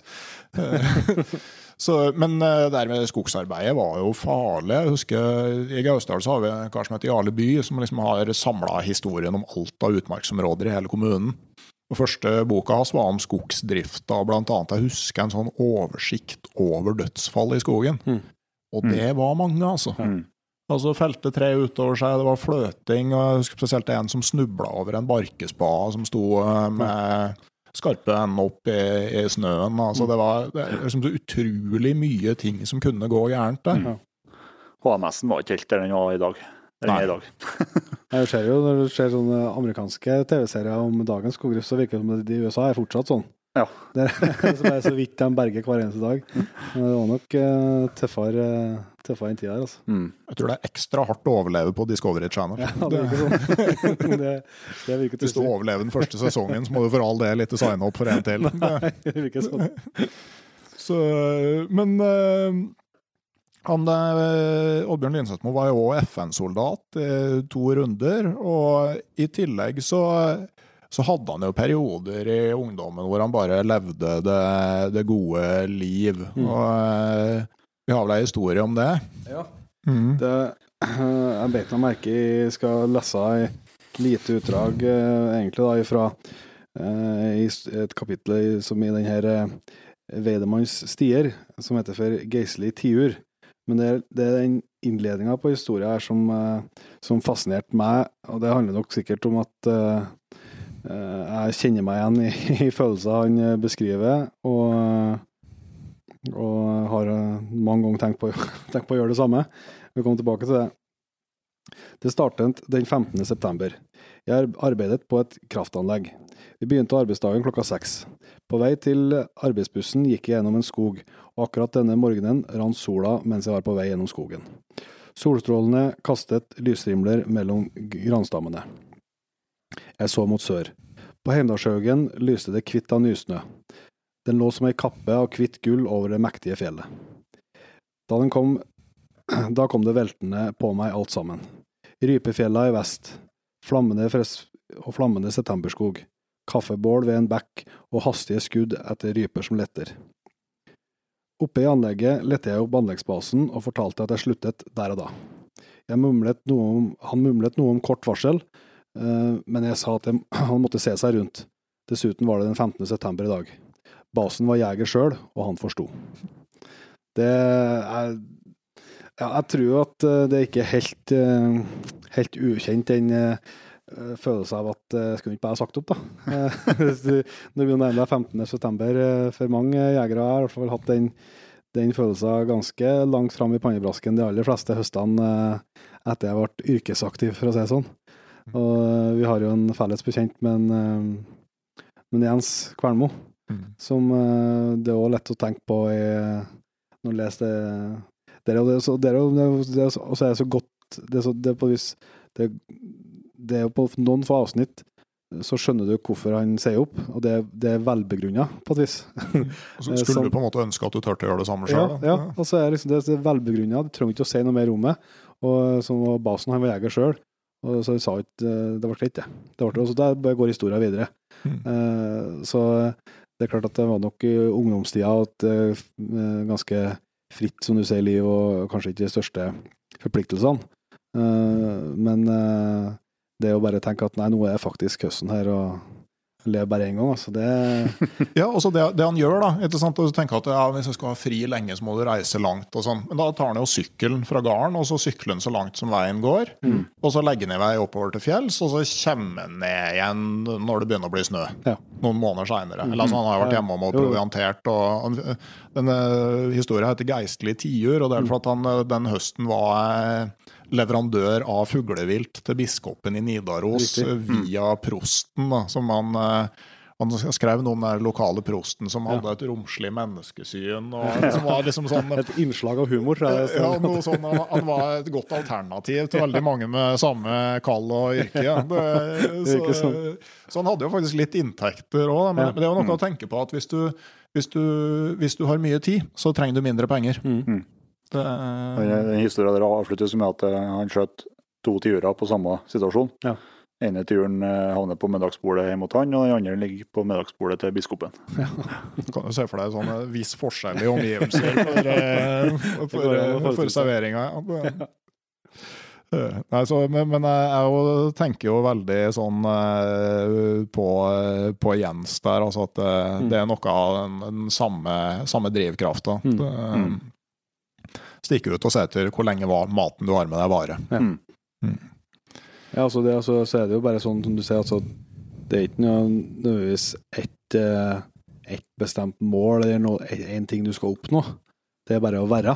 Mm. Det er det som er drivkrafta, liksom. Det, eh, og det, det å ha den eh, eh, den friheten på, på høsten, det er i hvert fall veldig mange har kjent på akkurat den. Den litt sånn følelse av menings, at alt er meningsløst, når du i hvert fall i når du sitter på kontor Mm. og du sitter og du ser ut og du begynner å stille spørsmålstegn har det egentlig noe verdi det jeg driver med. Er det noen som bryr seg om ikke jeg altså Du begynner å få tankene der, og, liksom, og du vet at egentlig er alt bare tufta på at uh, kroppen og hodet har lyst til at du skal være i skogen og i fjellet. Ja, nei, det, det er absolutt verdt å, å, å plukke med seg, altså. Det, og, og, det- men fortsatt så tenker jeg at altså er, eh, her òg er det jo et, sånn, måte, et litt sånn næringsperspektiv i det. altså at du, De skriver de brukte ikke så mye fuglevilt sjøl, så det var, det var bra salgsvare. Og han har også noen sånne fiskehistorier. Mm. Han eh, beskriver en tur hvor han kommer hjem igjen. Det eneste han har i sekken på vei hjem, det er fisk. Og sekken det er renska fisk. og Han har 35 kilo i ryggsekken Mm. etter noen dager på tur. Ja, det var han, det var han og broren og et kvinnfolk, var det, tror jeg. Han og svogeren og søstera, tror jeg. Ja, sånn var jeg. Ja. De var på, på Kalvvatna, og det er jo eh, Det er jo eh, Ja, likest, letteste innfallsporten er jo fra Namskam, men det ligger jo i, i Nordland, akkurat på grensa til Nordland, ja. Men det er jo velkjent som et fantastisk eh, fiskeområde. Og, og de kommer hjem da, etter ei uke oppi der, så kjenner de hjem med, med 35 kilo renska fisk og, og 15 kilo molt. da. Ikke glem det, det er vel noen moltelskere i- blant lytterne våre også. Og det er jo da ferdig kokt molte, eller beit jeg Ja, merke. ja, de koka, koka i, ut, ja. Ja. De var på tur. Ja. Så jeg vet ikke helt hva de oppnår med det. Berga kanskje, at du ikke surner? Ja, men Molta er jo full av konserveringsmidler i utgangspunktet. Nei, ikke. Og derfor eh, Amundsen hadde jo med molte Ja. hjemmefra gjennom Ja. Nordvestpassasjen, blant annet. Mm. Og på ishavet òg, så er molte fast for skjørbukmiddel. skjørbukmiddel. Det er jo liksom går jo igjen skildringer i, i den historien der òg, for i dag er det et, eh, går jo vei helt inn til, oh, ja. helt inn til områdene eh, på rundt og vannkraftutbygging. Ja. Det, alt det, alle de områdene der er jo regulert nå. Så det, Og liksom den store melankolien, kan du si, da, i mange av de historiene fra den perioden her Oddbjørn Linseth det er jo nettopp vannkraftutbygginga. For det er klart, altså rett etter krigen så var vannkrafta liksom det hvite gullet som skulle industrialisere Norge, og det, Mm. det gjorde det jo. Men uh, det kom til en pris, og uh, for Oddbjørn Lindsetmo så opplevde han jo at mange av måte, hans drømmeområder Mm. blei ødelagt. mm. Eh, Blant annet den elva som renner forbi gården, så vidt jeg forstår. Ja, altså, altså Sjølve Namsen var jo Den er jo relert i, i flere ledd.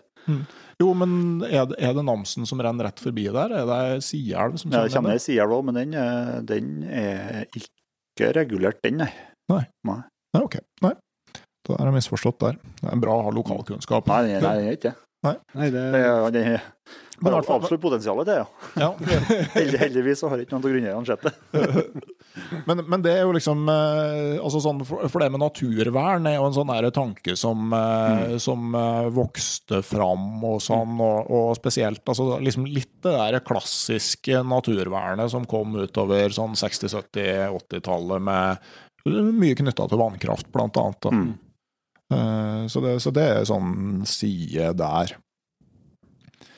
Men ellers så, eh, så er det jo òg en del historier om rovviltjakt i bøkene hans, men eh, der òg var vel bestandene ganske mye mindre på den tida hvor han drev på. Jeg har liksom inntrykk av at hvis det ble sett gaupespor, så sendte man folk til fjells med en gang. Det var det både, både gaup og, og bjørn og spesielt mår. Sånt, alt, som, alt som har liksom en viss verdi i form av skinn. Mm. Da, da ble det, altså, da ble det meste jeg kasta. Hvis de skulle til tømmerskogen, så la de fra seg alt. For det var, det var mye mer betalt hvis de kunne fokusere på å, på å få has på en av rovdyrene pga. verdien av skinnet. Mm -hmm. Han, han eh, beskriver jo eh, bare en del, en del eh, gaupejakt, Mm. Eh, og det eh, Jeg tror ikke han, så vidt jeg skjønner, så han ikke, fikk han aldri felle noe, noe gaup sjøl. Nei. Men han eh, var jo med på, på, det, på mye jakt og, og, falle. Ja, det, er en, eh, det er mange gode beskrivelser av den, eh, av den jakta.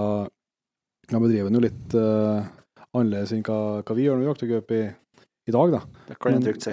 men uh, men uh, de, de lykkes jo likevel. Men det er, det er en sånn Og det er egentlig litt sånn tilbake til vi, vi snakka om hva som har endra seg på, på jakta og sånt. Uh, jeg beit meg merke i der Da er det vel broren eh, hans og en til som har funnet et, eh, et De jakta på ei gaup dagen før. Mm. Så de har funnet igjen eh, sporet, men han var på arbeid i tømmerskogen. Så han fikk bare høre om at sporet var, eh, var der og der, og at eh, de skulle begynne å jakte på det her. da. Og så øh, har han grunnet litt på det, mens han og så finner han ut at det var ikke så mye tømmer han skulle kjøre i dag, egentlig. Så han, for han, øh, han kommer på at det er jo et uh, trekk, et kjent gaupetrekk, da, Uh, nede i Aron, Arondalen. Arondalen, ja. Det er vel der fortsatt, det. Mm. Det trekket. Uh, og da liksom, han, han, klart, han, han har jo bare fått hørt om hvor sporet befant seg hen eh, mange timer tidligere, men finner ut at ja, kanskje han bare skal gå og sette seg oppi der.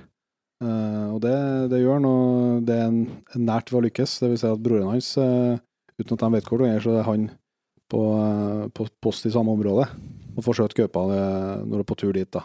Men det, det som jeg synes er interessant med det, er at det, det sier noe om et, eh, et annet mindset enn hva i hvert fall jeg har som jeger. Jeg skal ikke, jeg ikke snakke på vegne av for mange andre, men som dere må bare Jeg kan jo vite om at eh, de kan komme der og de kan komme der, at man liksom man snakker jo på den måten, men det er bare på, eh, ja, på måfå sette seg ut en plass og tenke at her kan jeg jo komme. Mm. Uten at du vet noe mer om hva som har skjedd i timene imellom, og du vet ikke hvor lenge du skal sitte der, eller noen ting.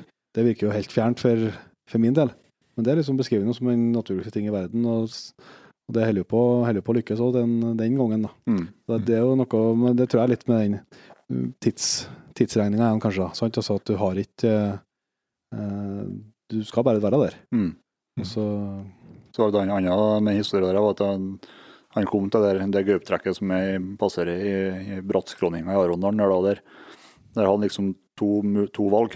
Det var to mulige Ja. poster med, med litt god skyttergrener, og så valgte han det ene. Og så jeg lurer på han har sittet der en time, eller sånt, da, så smalt det. Altså rett over men i den andre grenda som var andre muligheten hans. da. Og det, Der satt jo broren og, og skjøt gaupa der, og da liksom tenkt han over at de har liksom vokst opp i lag og, og, og var så like. At de har liksom tenkt samme tanken Mm. sjøl, Mm. Uten at de har snakka om det. Ja. Altså, det er jo en artig, um, artig episode. Det er jo um, flere um, mer rovdyrjakt. eller Du snakker jo om uh, Jon Inge, med, med mår, mårjakta. Og, og um, kanskje, det blir kanskje for lang å lese, men det er jo absolutt ei, ei spennende historie der han forteller om, det, om bestefar sin, som skjøt en, en bjørn Mm. eh, oppe i Linsemofjellet um, på slutten av 1800-tallet for, for en uh, gråhund som de har fått i, som han fikk i julegave, han bestefaren som heter bare for presang. Mm. For da kom jeg en, eh, kom jeg en med han på, på det første juledag, så han kom inn med valpen åten. Så det ble en, eh, en bra begynner jo den eh, beskrivelsen der, og eh, når han kommer inn på de, Da har han vel, vel først uh, ute og setter garn, og så eh, For, for, for første her er jo, er jo dere garnsattinga, altså fra gården og til der han Ja, setter garn. det Som en går tilbake i morgen og kveld. Ja.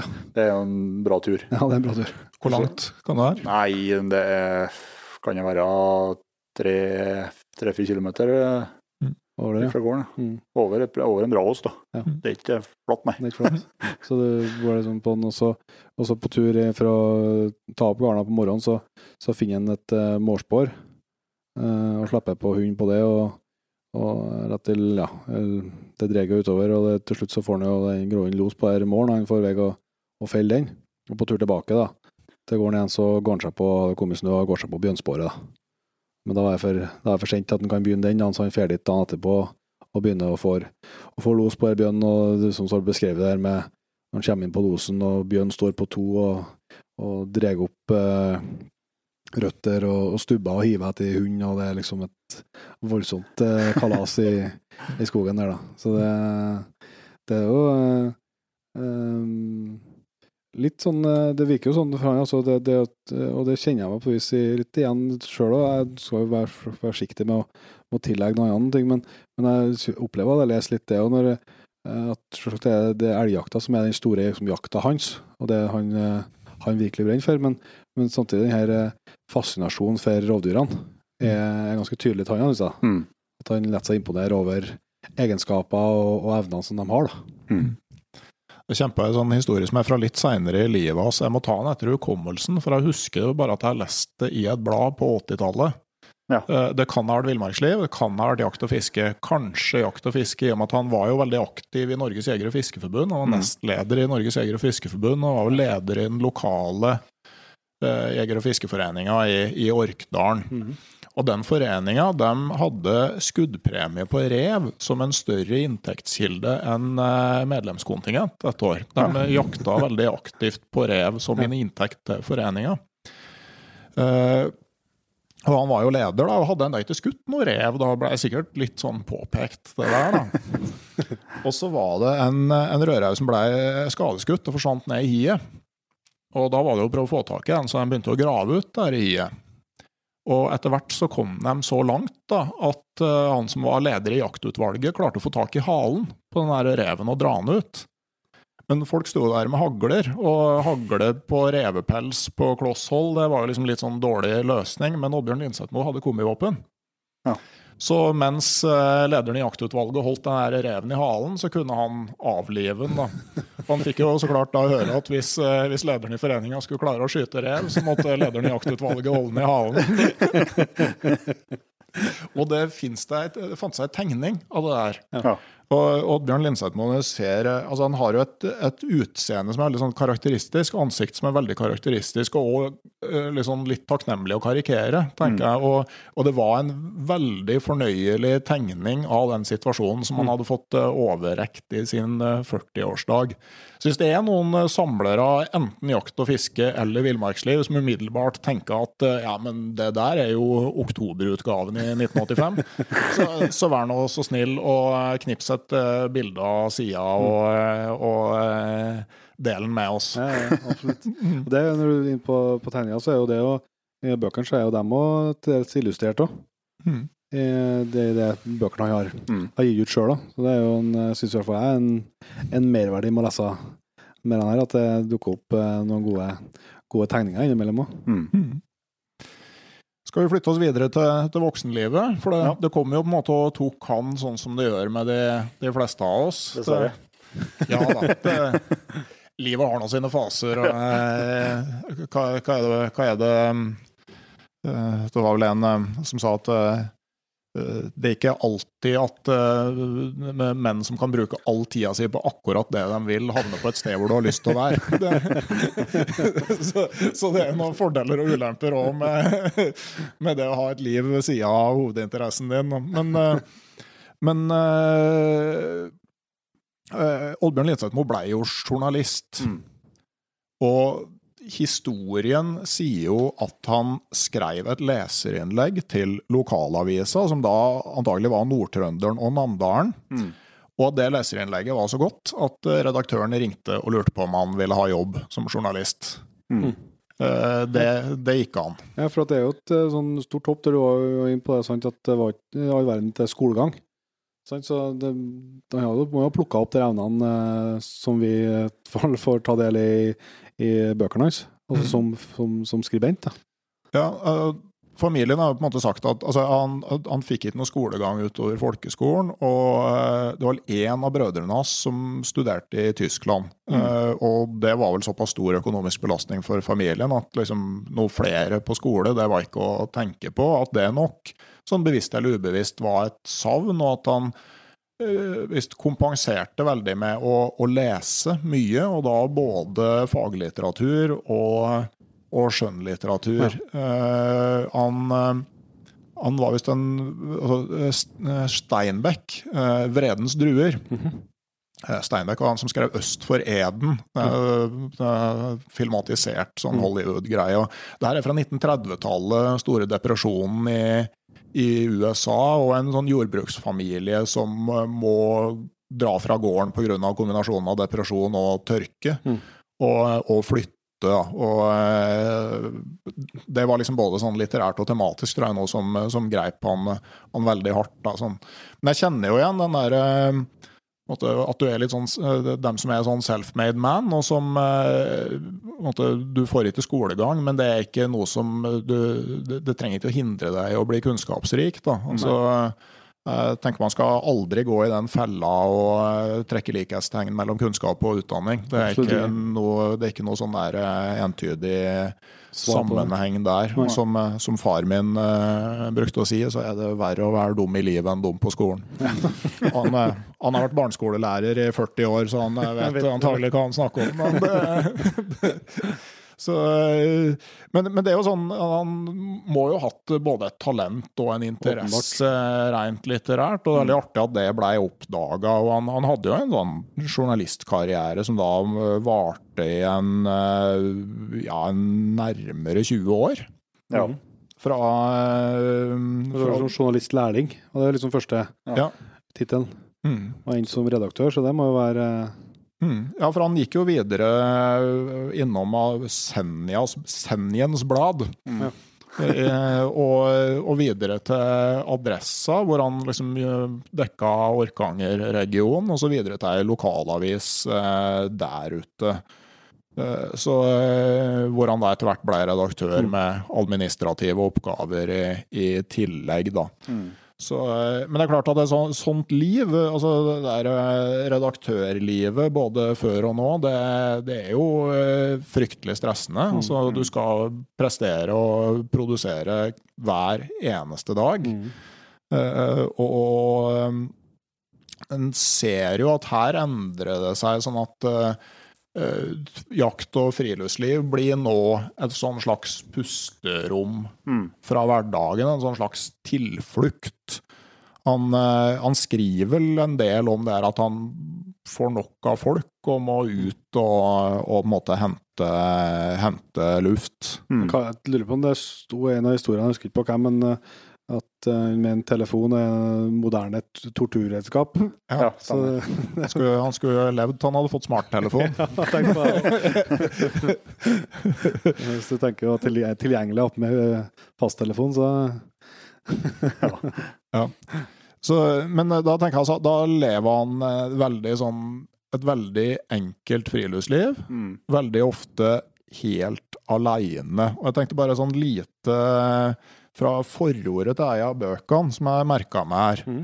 At uh, under jakt og fiske har jeg ofte vært en ensom ulv. Jeg liker ikke jakt eller fiske for selskaps skyld. Selskapelighet hører hjemme i hytta om kvelden.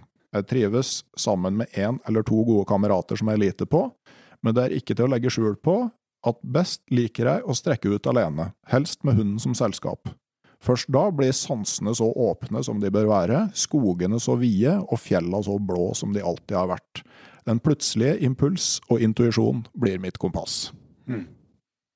Det tenker jeg sier noe om, om innfallsvinkelen hans der, da. At eh, du vil liksom være så tett som mulig på naturen, og da helt aleine. Ja, og så er det vel kanskje noe med litt i den hektiske hverdagen òg, sånn at, eh, at selv om man på etter hvert er redaktør og sjef, så, så, så styrer du visst ikke din egen hverdag for dem.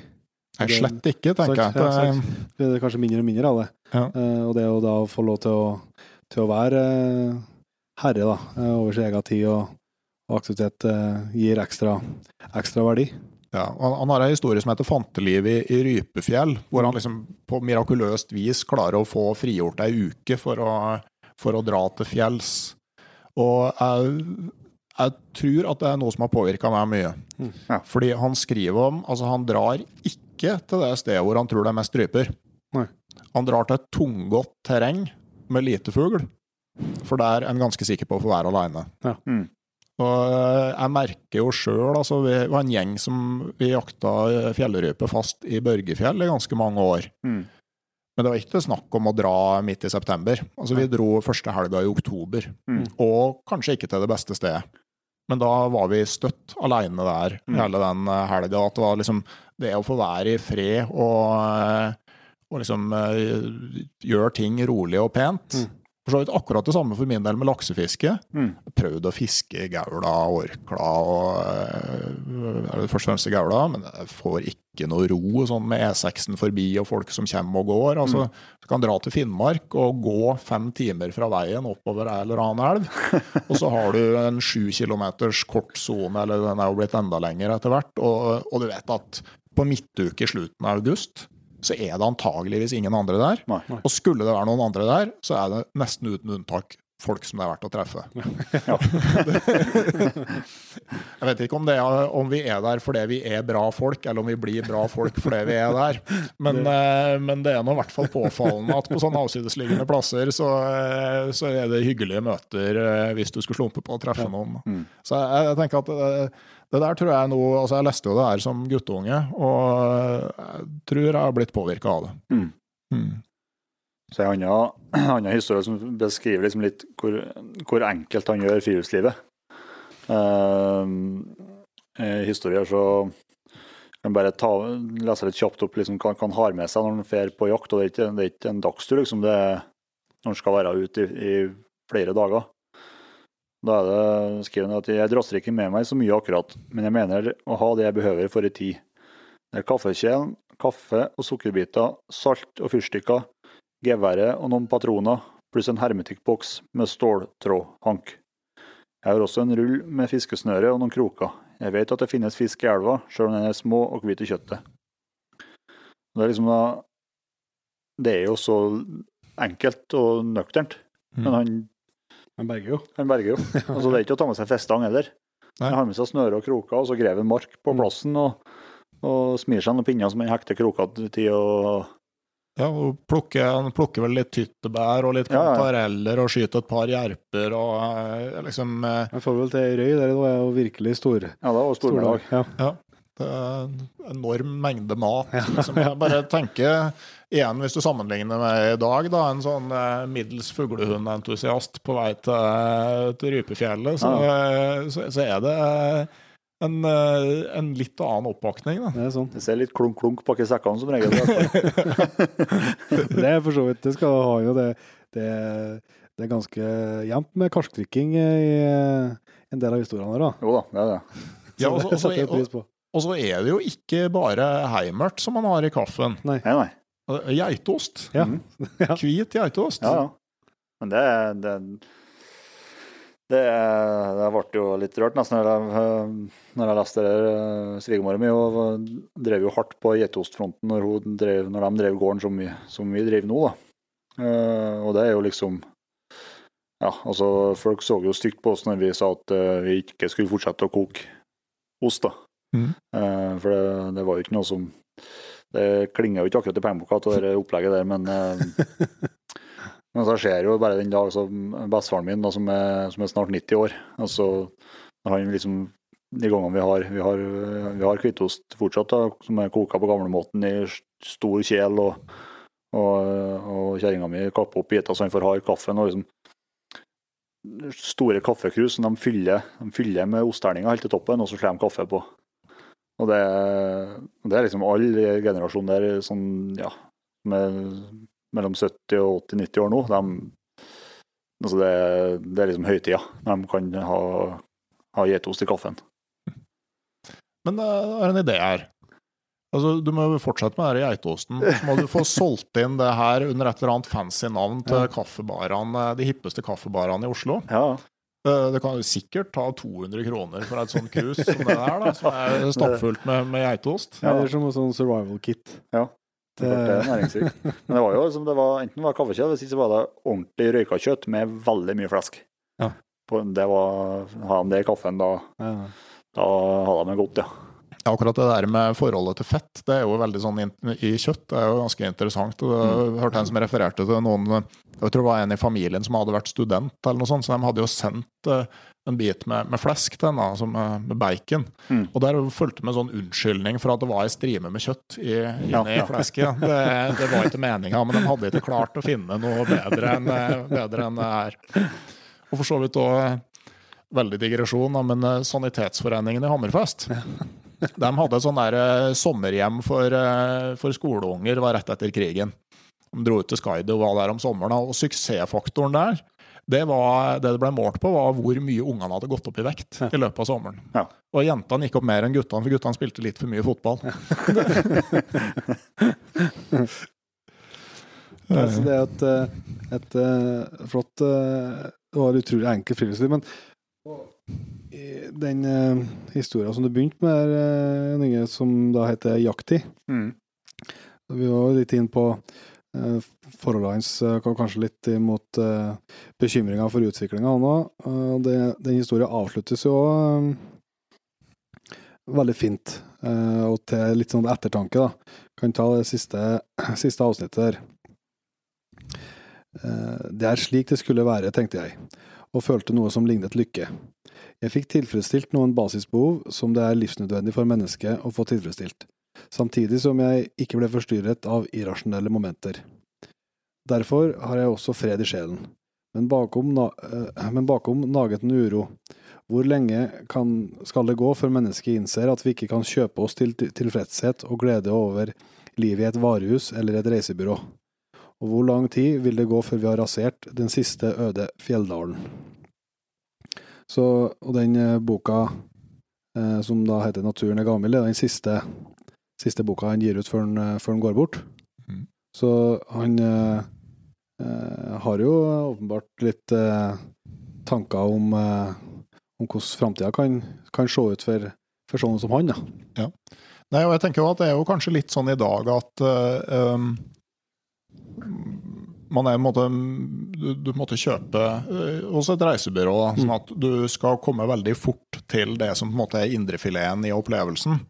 Og så glemmer du hele den opplevelsen som han får rundt der. da. Mm. At uh, Det handler ikke om hvor mange fugler han får, eller hvor mange situasjoner det blir. og sånn egentlig. Altså det, det handler om å, å være ute og være tett på naturen og, Mm. uh, og ha den, den opplevelsen eh, der, da, som, Mm. som er kanskje på et litt sånn annet plan, som er mye vanskeligere å måle.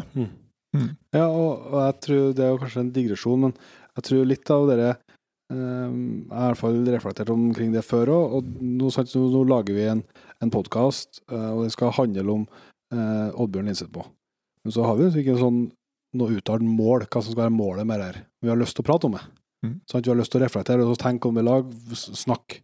Eh, og det er jo litt sånn, litt sånn motvekt til veldig mye, og det tror jeg, jeg tror at det er litt av podkastens styrke. da. Eh, og grunnen til at det formatet etter hvert får godt fotfeste. At vi kan nettopp vi kan sitte og bare prate og tenke og, og kose oss, uten at vi nødvendigvis skal ha noe mål i enden der. Så det handler, det handler om refleksjon og, og tankene.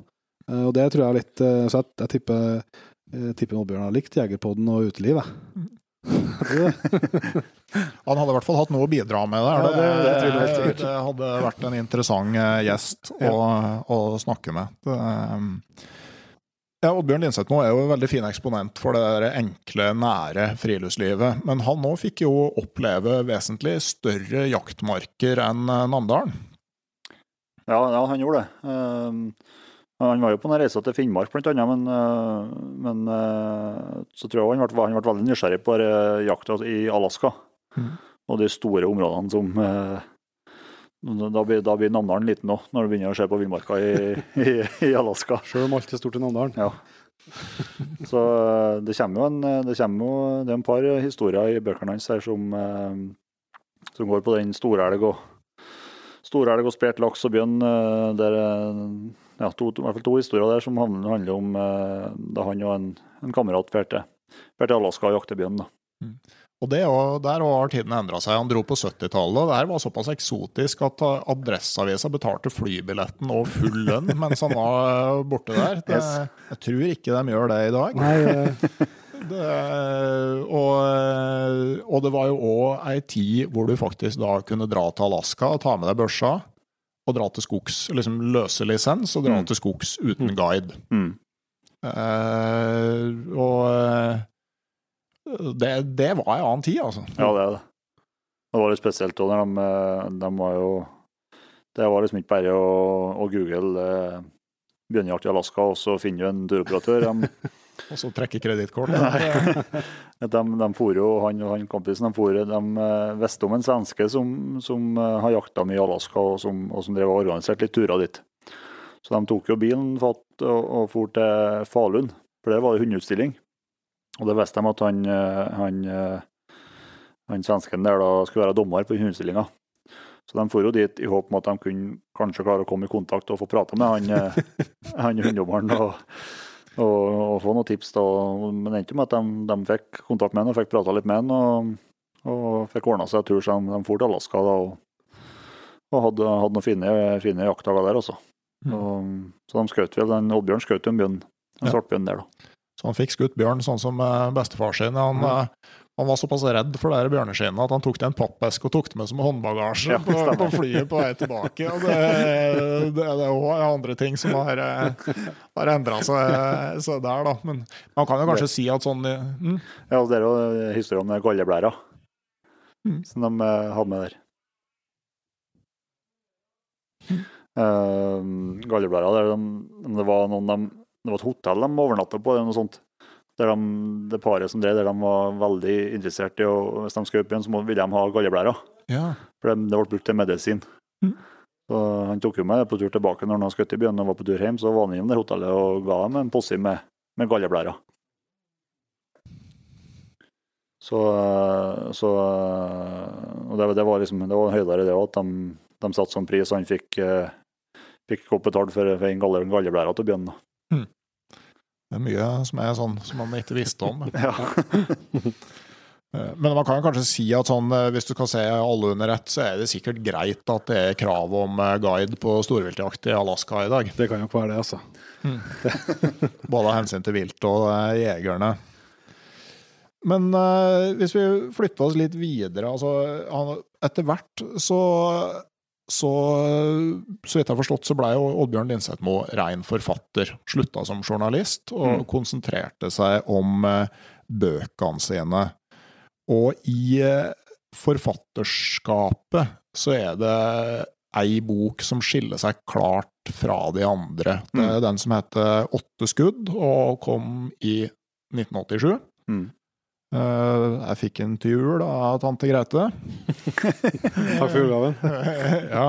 Hun er ikke med oss lenger, men eh, Men eh, Så det er den jeg har her. Altså det, det, åtte skudd det er både en av historiene i boka, som handler om, eh, om elgjakt under krigen. Men det er òg altså, kun åtte historier, som da er ganske mye lenger enn en det det er med i de andre bøkene. Og jeg tror seks av dem er rent skjønnlitterære historier. Altså en noveller. Det handler litt om hans egne opplevelser. Og de har en Altså, det, det er litterært så, så er de minst et hakk over uh, alt det andre han har skrevet, tenker jeg. Jeg kan lese et litt lengre utdrag fra en av de historiene her. Mm. Rote fram boka. Det er den boka som jeg fikk til jul, da, som jeg skal lese fra. Det har den fortsatt. Eh, Og Der er det om Andreas, da, som, eh, som eh, går på ski ganske godt inne i fjellet for å fiske på isen. Få med seg noe mat hjem til familien, rett og slett. Og søv under, åpen, under åpen himmel inne i bjørkeskogen på, på fjellet, og, og driver med ganske sånn intensivt isfiske. Skal vi høre litt hvordan det her går etter hvert, da. Andreas har undersøkt alle tømmene og satt på nytt agn. Men det er som om fisken ikke vil mer utover. Utover hele formiddagen er det ikke en kvist som ler på seg. Han tar ei lang middagskvil under grana før han igjen rusler ut på isen for å fiske. Han går omkring, vipper litt borti bjørkekvistene slik at agnet skal røres. Bortimot klokka tre begynner fisken brått å bite igjen. Nå er det som den er aldeles besatt. Andreas renner omkring og haler opp fisk, knekker nakken på en, egne på nytt, og så renner han videre til neste tøm det har gått på fisk. Han sanser seg ikke, fisker i en rus, Enser ikke at han blir sulten, er bare besatt av hale opp fisk. Først da fisken slutter å bite mot kvelden, er det som han våkner. Han merker at det er noe som skjer, han synker ned i snøen, den bærer ham ikke så godt lenger. Så kjenner han at det er, kvelende, at det er kvelende stille, nesten lummert i været. Det er ikke et eneste vindpust. Om litt hører han som et sukk fra fjellet vestafor og ser brått mørke skyer rulle opp over fjellranda. Andreas begynner å samle sammen fisken, bærer flere vendinger bort til hvilegrana si, det blir en diger haug med fisk. Han har ikke fått renset stort av den, men nå gjør han unna dette arbeidet. Han forstår at det ikke nytter å fiske mer, han klarer knapt å bære den børa han har fått. Han hadde tenkt å være til neste dag, men været uroer ham, og det blir ikke større mørkt om natta, og han kjenner leia godt. Derfor bestemmer han seg for at han vil pakke sakene sine og begynne på heimturen. Klokka er blitt seks. Fisken har han i en striesekk i ryggsekken. Da han letter på sekken etter at han har pakket den, så blir han betenkt. Det er så vidt han får sekken på ryggen. Han spenner skiene på seg og begynner på leia mot Ransfjellet, men snøen er liksom råtnet. Det er ikke feste for skiene oppå, han synker ned til knes. Andreas liker seg dårlig. Han er sterk og i god form, men han vet at tungføre og tung sekk har knekt sterke folk før. Det går uhyggelig smått framom liene mot Daumannskaret. Da klokka er blitt ti, er Andreas så vidt bare kommet halvveis. Nå kommer det også stri vind, og det begynner å drive våt snø i strie kast. Skiene hans klabber ikke større, snøen er for våt til det, men dette å synke ned til knes for hvert stavtak tapper krefter. Andreas kjenner at det begynner å røyne hardt på, han stanser rett som det er for å hvile, hvilestundene blir lengre og lengre. Han lurer på om han skal kaste noe av fisken så børa blir lettere.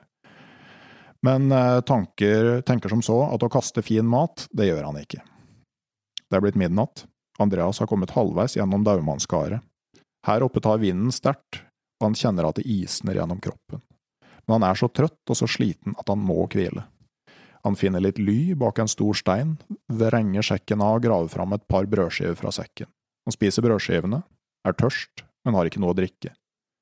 Han forsøker å gomle snø til, Brødskivene kvikker eh, ham ikke særlig opp, han er for sliten, og ganske snart tar hodet hans til å duppe ned på brystet. Da våkner han brått til. Ikke sove, sier han høyt. Han vet at sovner han, så er det for godt.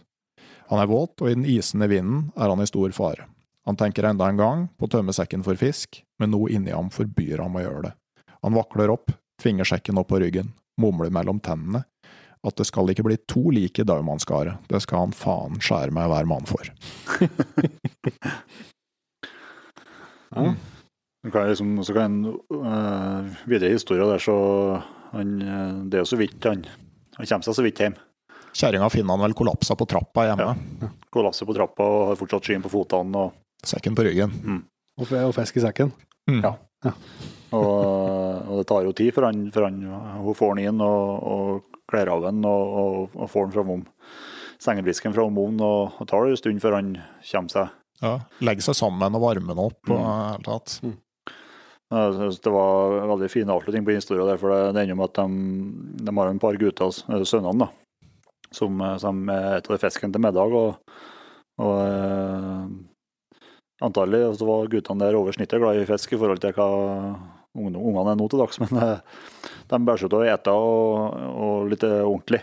Mm. Eh, og gofler til seg maten, og så ser de på guttene og så sier han høyt til dem at uh, eta med andakt, gutter.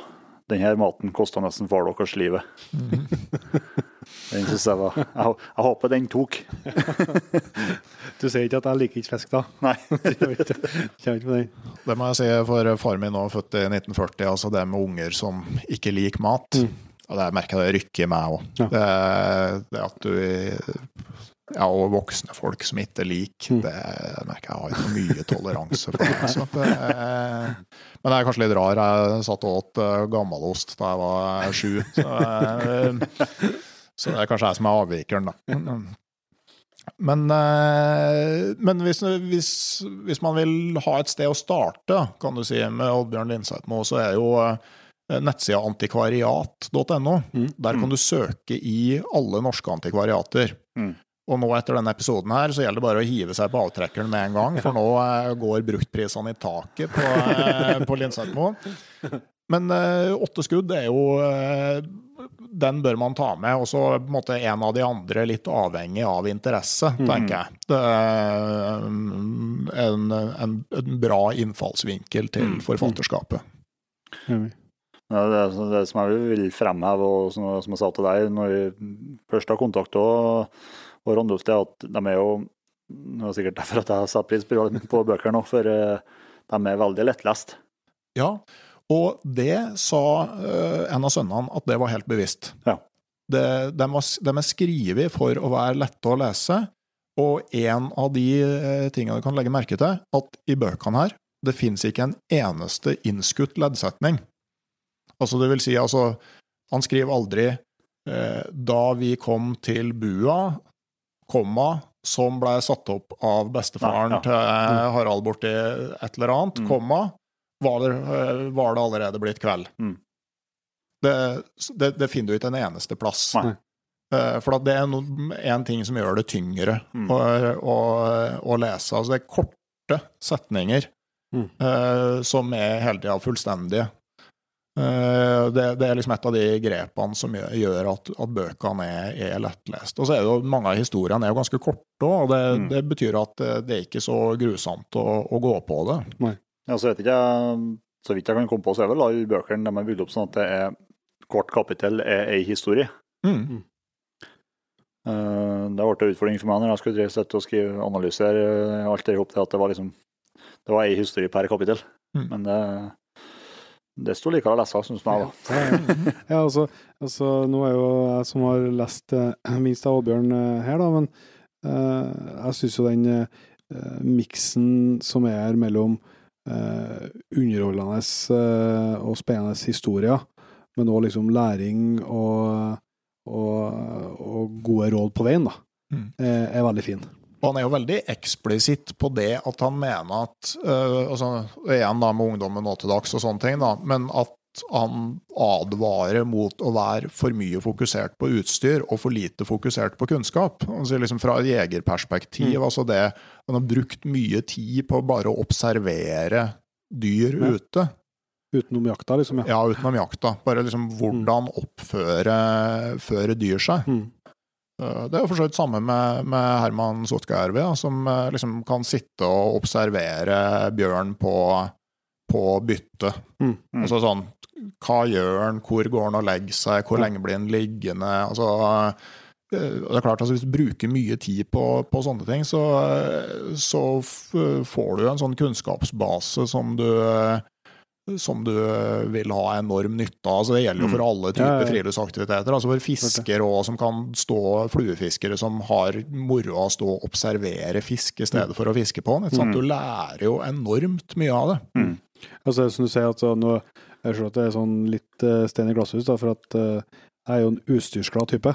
Men, uh, men det han liksom sier, altså, at, at eh, eh, den kunnskapen du opparbeider, kan kompensere for utstyret. Mm. Sant? Men, og det er jo, men samtidig vet man jo at, eh, at uh, utstyret kan, kan ikke kompensere for kunnskapen. Andre veien, sant? Så du kan liksom klare deg med Har du mye kunnskap, så kan du klare deg med, med mindre. Men uh, du klarer ikke deg uten kunnskap hvis du, selv om du har mye utstyr. Nei. Så Samtidig så er det jo litt interessant, da, på den, dere er sikkert også på den Facebook-gruppa for reinsjakt. mm. Eh, Og der var det lagt ut for noe, sikkert et par år siden og lagt ut et bilde fra, fra gamle dager da, med, med ullgenser og ryggsekk og sånn til fjells. Og så ble det kommentert at ja, ja, dem, dem trengte ikke noe jervunduk, og de trengte ikke noe GPS og klarte seg uten det. Og Det er for så vidt greit, men så litt lenger ned så kommer jo alle historiene om dem som gikk seg bort i uvær og frøs i hjel i fjellet. Sånn at øh, hva skal vi si, altså enkelte, altså Hadde de da hatt enten Ja. GPS eller jervenduk, Mm. så eh, hadde de kanskje overlevd. yes. Sånn at øh, det er åpenbart at øh, kunnskap trumfer det meste, men samtidig så er jo sånn rent fysiologisk så er jo ikke mennesket noe annerledes Neida. nå enn da. Sånn at Nei. eh, blei det for kaldt, så, Så det så, så gikk det gærent, da. Mm. Det, så, men, men absolutt, altså å ta med seg den der, den der nysgjerrigheten på hvordan naturen fungerer. Mm. Det tenker jeg er og så- og så- Det merker jo at unger har, f.eks. Altså klarer klare å bevare den. Det å liksom ikke slutte å lure på hvordan ting henger sammen. Nei, helt enig. Mm. Og så et, eh, Vi holder på å nærme oss slags avslutning her, men eh, før vi kommer helt dit, så, så er det eh, det er, jeg mener at det er mye, det er mye gode tips og, råd på veien her. Det var et i den boka som heter For elgjakt med ledehund. Så det er liksom de innledende kapitlene der er litt som ja, mer eh, eh, Det går ikke jakthistorier i så stor grad, men mer sånn ja, type opplæring Mm. og tanker han, han har omkring den, det, om jakta generelt, og, den jaktformen. da. Eh, og så er det et kapittel som heter for jaktfeber. Eh, og det er jo et eh, eh, både kjent begrep og tilstand for, eh, for mange jegere. Noen er mer plaga av enn andre, men eh, alle har jo alle har jakta første gangen og fått kjent på kroppen eh, hva det kan, kan gjøre med. Og du kan gjøre ting som du etterpå eh, klokskapen ikke ville ha gjort. Men eh, Så han beskriver noen historier omkring det, men så, så han oppsummerer dette uh, veldig godt, og noe som jeg tror at uh, både jeg og, og mange jegere kan, uh, kan ta til seg. Han skriver at eh, mange jegere plages hele livet av jaktfeber. Slike jegere burde unngå å bringe seg selv i situasjoner de ikke kan beherske. Men det viktigste av alt er at man får en ånd inn i, jaktlag, en annen ånd inn i jaktlagene. Skrytet må bannlyses, og etterpåklokskapen bør avvises. Alle jegere må akseptere og respektere det faktum at jakt er et stadig eh, skiftende situasjoner som vanskelig lar seg rekonstruere, enn si forandre, når de har funnet sted. Bestefar hadde et ord jeg syns eh, er en god rettesnor for alle jegere. Hvis jakta mislyktes og elgen slapp unna, pleide han å si vi skulle ikke ha han. Mer var det ikke å si om den saken. Så det tror jeg jo er både for, eh, for sin egen del, men når man kanskje tenker på, på rekruttering og skal ha med seg nye jegere og sånt ut, det å ikke hausse opp og skryte og fortelle og lage liksom eh, eh, Lage fallet, ikke ta for stor fallhøgde. Gjør at det blir lettere, å- lettere å nyte det den opplevelsen du, du har lyst til å prøve deg på. Mm. tenker jeg du kan ta med inn i andre deler av friluftslivet òg. Altså, sånn der, øh, altså at det er rom for å være usikker, og Mm. at øh, ja, Jeg tenker jo mer sånn i dag med toppturer og sånne Ja, ja. ting. At det, det er rom for å være ha dårlig følelse og snu, og Mm. at det, du kan se større på det. Altså at, øh, at man må være raus med dem som er på vei inn, Ja. øh, og gjøre det litt enkelt for dem. Men øh, Dessverre så, så forlot jo Oddbjørn Linseth-Moe oss eh, altfor tidlig. Mm. Eh, høsten 1988 så fikk han diagnosen ALS. Mm. Det er en uh, sykdom som angriper nerveceller i ryggmargen og hjernen. Eh, de fleste vil jo kjenne han Stephen Hawking, han mm. fysikeren. er jo en av dem som har levd lengst med den sykdommen. Altså Normalt så, så er det på en måte en dødsdom med ganske kort tid Ja. igjen. Mm. Og eh, det var jo ikke mer enn et år etter det. Altså, han var lenka til rullestol fra april i eh, 1989 og døde 24. august 1989. Mm. Eh, Underveis i den sykdomsperioden så jobba han med det som ble den siste boka hans, 'Naturen er gavmild'. Og den tror jeg kanskje vi kan se på som et sånn slags eh, testamente. Hmm. Uh, at det, det er ei bok som er skrevet av en mann som vet han skal dø, og den uh, jeg tolker det i hvert fall som en sånn bok som, som har noen verdier og noe kunnskap som man ser det som viktig å, å få formidla før han forlater verden. Mm. Uh, og det er et par historier der som uh, på hver, hvert sitt vis liksom uh, eksemplifiserer det her. Altså det, det er en historie som heter 'Det var noen før oss', som egentlig bare forklarer hvordan folk henta utkommet sitt i Namdalen Mm. historisk. Altså hvordan var gårdene lagt opp Mm.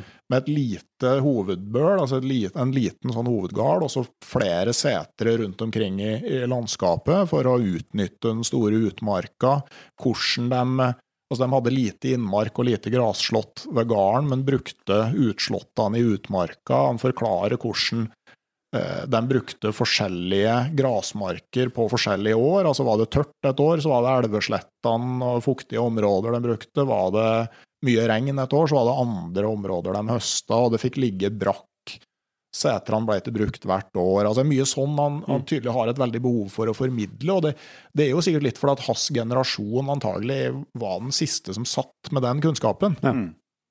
Um, og, og det er mye det samme i ei sånn historie som heter Den vesle elva, som ligner litt på den uh, jakthistoria der han stikker vei med uh, kaffekjelen og blikkboksen og, uh, og uh, sukkerbitene og kaffen, liksom. Men her er det en dagstur. Han drar til ei elv og skjærer seg en rognekjepp og, som fiskestang og grave mark på stedet og fisker noen sånn 100 grams ørreter Mm. som han rundrenser og fyller med smør og pakker inn i vått avispapir og, mm. og steker på bålet. Og så, eh, det er jo sikkert litt sånn konstruert, da, men han ser på avissida om krise i verftindustrien og eh, sånne ting, og sier litt sånn foraktelig 'vet de i hele tatt hva krise er'? Ja, Og så kommer historia fra under krigen, da de bodde på setra, og ute på seinsommeren at det blir ei helt klar natt, og det begynner å bli frost, og de lurer på eh, hvordan går, går det med kornet. Mm. Var det, var det innafor namdalsdialekt? ja. En litt dårlig noen. Men i hvert fall, eh, og da eh, snakker de om at de, de drar ned igjen fra setra og fyrer opp bål rundt åkeren og legger på vått granbar utover kvelden, så det legger seg et røykteppe over kornåkeren, Mm. sånn for å, for å stoppe utstrålinga og prøve å holde sånn at eh, ikke kornet ikke, ikke fryser. Eh, Mm. Jeg skal ta og lete fram historie, slutten på den historia der. Så det jo, det var, det var mens, du, mens du leter her, så det var jo Jeg snakka litt med kultursjefen i kommunen, eh, for de, vi har jo historiehefte i Norskland der de har skrevet litt om, om Oddmund i, i et blad her for mange år siden. og Han ble jo spådd spådd liksom til å bli den, den nye Mikkjel Fønhus. Uh, men uh, men eh, det ble jo, ble jo bare seks bøker av det, i og med at han, han gikk bort uh, så altfor fort. da. Hmm. Jepp. Jeg får det si Det blei med de to frostnettene. Kornet ble høstet og malt på ei kvern ingen ville vedkjenne seg. Jeg syns ennå å fornemme smaken av flatbrødet som blei bakt av dette mjølet. Det krislet av liv og trygghet når en knaste brød mellom tennene. Jeg skjønte de gamle litt bedre da de foldet hendene over brødet. Og så tenker jeg at eh, når han liksom i voksen alder stikker ut med lite utstyr og uten mat, altså kan det være at han prøver å gjenskape tida fra barndommen da jakt og fiske og liksom om du fikk fangst eller ei virkelig hadde en betydning? Mm. Er det den følelsen der han jakter på?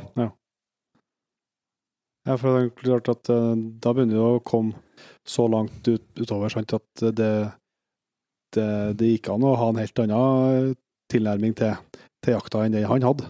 Mm. Så det, er noe, det kan godt være et, eh, en god eh, tanke, det at eh, han eh, eh, altså om ikke kanskje det er feil, antagelig feil begrep, men altså det er litt det, eh, det at det betyr noe mer enn eh, eh, enn bare den opplevelsen der og da, men at det er litt, litt nærmere det her eh, eh, kampen for tilværelsen. Da. Så, altså, altså, i, noe, i, I den følelsen i det der, Mm. med at, eh, at det fallet er ikke bare er ikke bare en opplevelse og en, eh, og en hyggelig søndagsmiddag.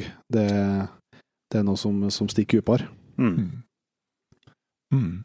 Hva tar vi med oss, liksom, eh, vi skal begynne å avrunde, hva tar vi med oss på en måte som eh, fra det vi har lest av Oddbjørn Lindseth, og hva er det som på en måte er det viktigste vi kan ta med oss i dag? Jeg tror i hvert fall man skal, man skal eh, huske på det at man eh, man skal For det første skal man ikke ta, ta ting for gitt. Man skal suge til seg de inntrykkene og opplevelsene man får i naturen, skal man, eh, skal man virkelig tenke over. Og, og, eh, og ta til seg og, og, legge på minnet. Det, så er det jo nok en gang det med at det går an å leve et nøkternt liv eh, over flere dager ute i naturen, og man trenger ikke å ha med seg eh, massevis av utstyr for å, for å klare å, å få gode opplevelser i naturen. Nei, og det med og det hvor uh, privilegert eh, vi er, både, vi også, både at vi har eh, funnet på vis, for oss som, som jegere, har funnet en, en livsstil og en lidenskap som, som er så sterk. Hvor privilegert du er når du først har fått den, den gaven, og så etterpå at du får lov til å leve ut det. Og det er jo det som vi snakka litt om Inge også, det med, vi var inne på i starten her, at, at veldig mange av jakthistoriene og historiene beskriver, er jo ganske ordinære jaktturer.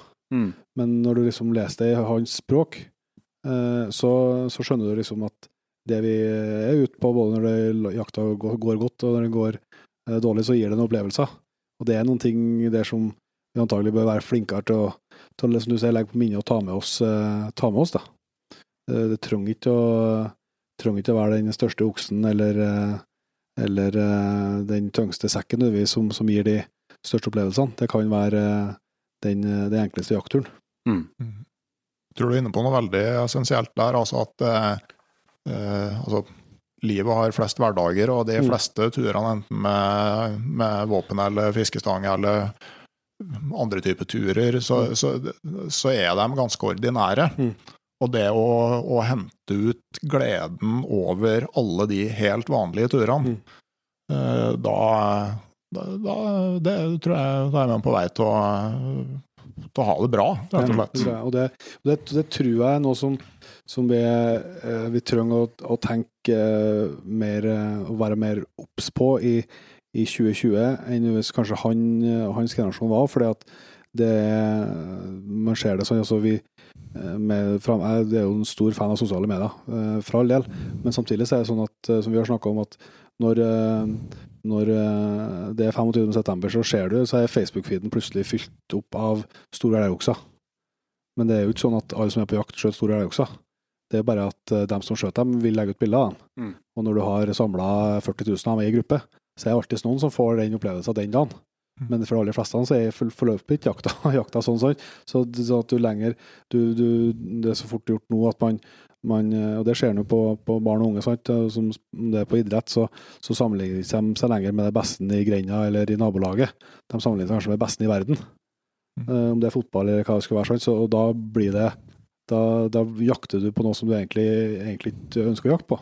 Mm. Du ønsker, du ønsker som sagt å, å være til stede i det, det som er, det som er hverdagen og det som er det basisopplevelsene. Ikke, ikke gå og kjenne på et savn fordi at du ser at noen andre har fått til noe annet eller sånn. Og så I tillegg så skal du være veldig klar over at ikke, de har ikke nødvendigvis fått til det de legger ut på Facebook. Eh, altså, det, det er jo ikke på en måte det de altså, Det er den bitte lille delen av livet sitt Yes. som de velger å vise fram, ja. å vise fram. Mm. Eh, så det, det er jeg enig i. Altså, det må eh, Ja, det, det er moro med sosiale medier. Altså, som en liten motvekt til det der. Altså, jeg prøvde med meg å få folk til å bruke hashtaggen ekte friluftsliv, Mm. og så legge ut alle de bildene om, av ting som ikke går som det skal. Mm. Det begynte med at jeg, eh, jeg dro på skogsfugljakt i Trollheimen. Overnatta i, eller skulle overnatte i telt, men jeg kom hjem uten telt. Ja. Fant aldri igjen. Satt opp teltet, dro på jakt, og så begynte det å snø, og så var det noe, et eller annet feil med GPS-en. øh, Sånn at øh, Kom vi tilbake? De, nei, det, jeg fant igjen to år seinere. Ja.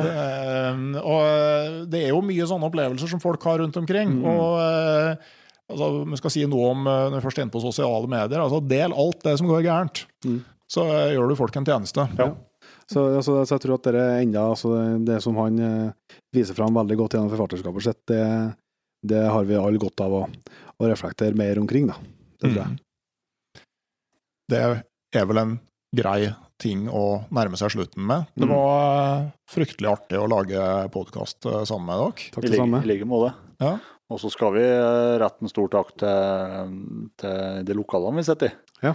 Vi er jo på, på Big Five på Røra. Mm. Det ble sånn ca. midt imellom oss alle sammen, så har vi fått kjørt en liten bit med bil. Bortsett fra Petter, da. Han lurer seg unna, han. Ja. Men det er jo uh, artig å få sett og, og spille inn podkast i sånne omgivelser som det er det rommet vi sitter i nå. Ja, det er utrolig stille Alexander har fått der. Så det anbefales alle som er i traktene, å innom å ta en kikk på. Og så skal vi også si det før vi runder av at uh, hvis dere syns vi har prata litt annerledes, eller oppført oss litt annerledes i podkasten, så kan det ha noe med at vi rundt oss uh, av en merkelig grunn har tre kamera. Ja. Uh, så den podkasten her blir mulig både å se og høre. Sånn For egen del så er jeg litt usikker på hva det å se meg skal tilføre i tillegg. Men Det tror jeg det, det, Men, det gjelder oss alle tre. ja, markedet er vanskelig å forstå. Så, Vi må prøve. ja. Antagelig kan kanskje få litt sånn medlidenhet. De, de skjønner hvorfor vi bare holder oss til radio. ja, noe med det. Men eh, helt eh, på slutten, eh, før Oddbjørn Linseth Moe døde, altså siste boka hans, 'Naturen er gavmild', som Mm. er en ganske sterk statement bare i tittelen, den ble utgitt etter at han var død. Mm. aller siste han produserte, det, det må vel kunne sies å være et dikt Mm. som han dikterte til kona, som skrev det ned bare noen få dager før han døde.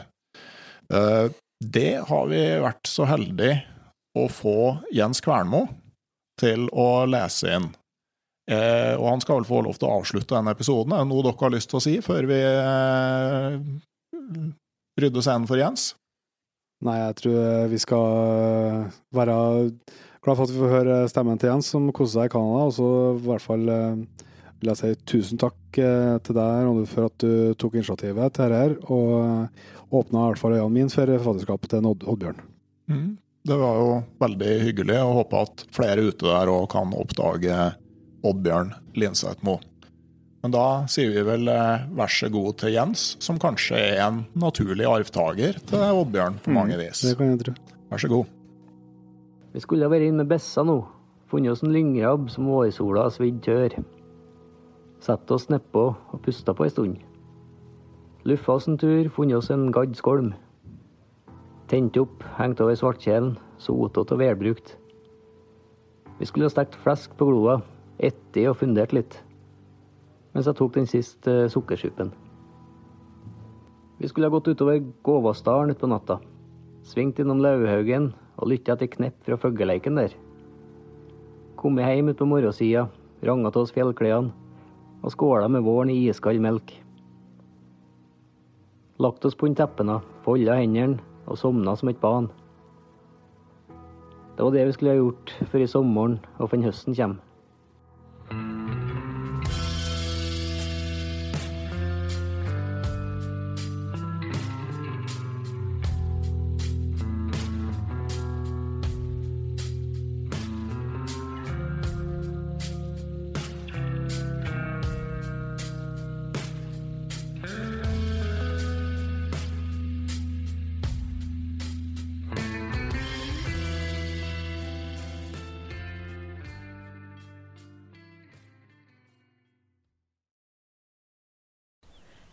Jeg heter Nore Helligsen og er daglig leder i Barents Outdoor. Det beste vi kan gjøre for planeten, er å redusere forbruket vårt og få mer ut av det utstyret vi allerede har. Men vi vet av erfaring at bruken av telt kan endre seg over tid. Det teltet du kjøpte for to år siden, passer kanskje ikke det behovet du har i dag.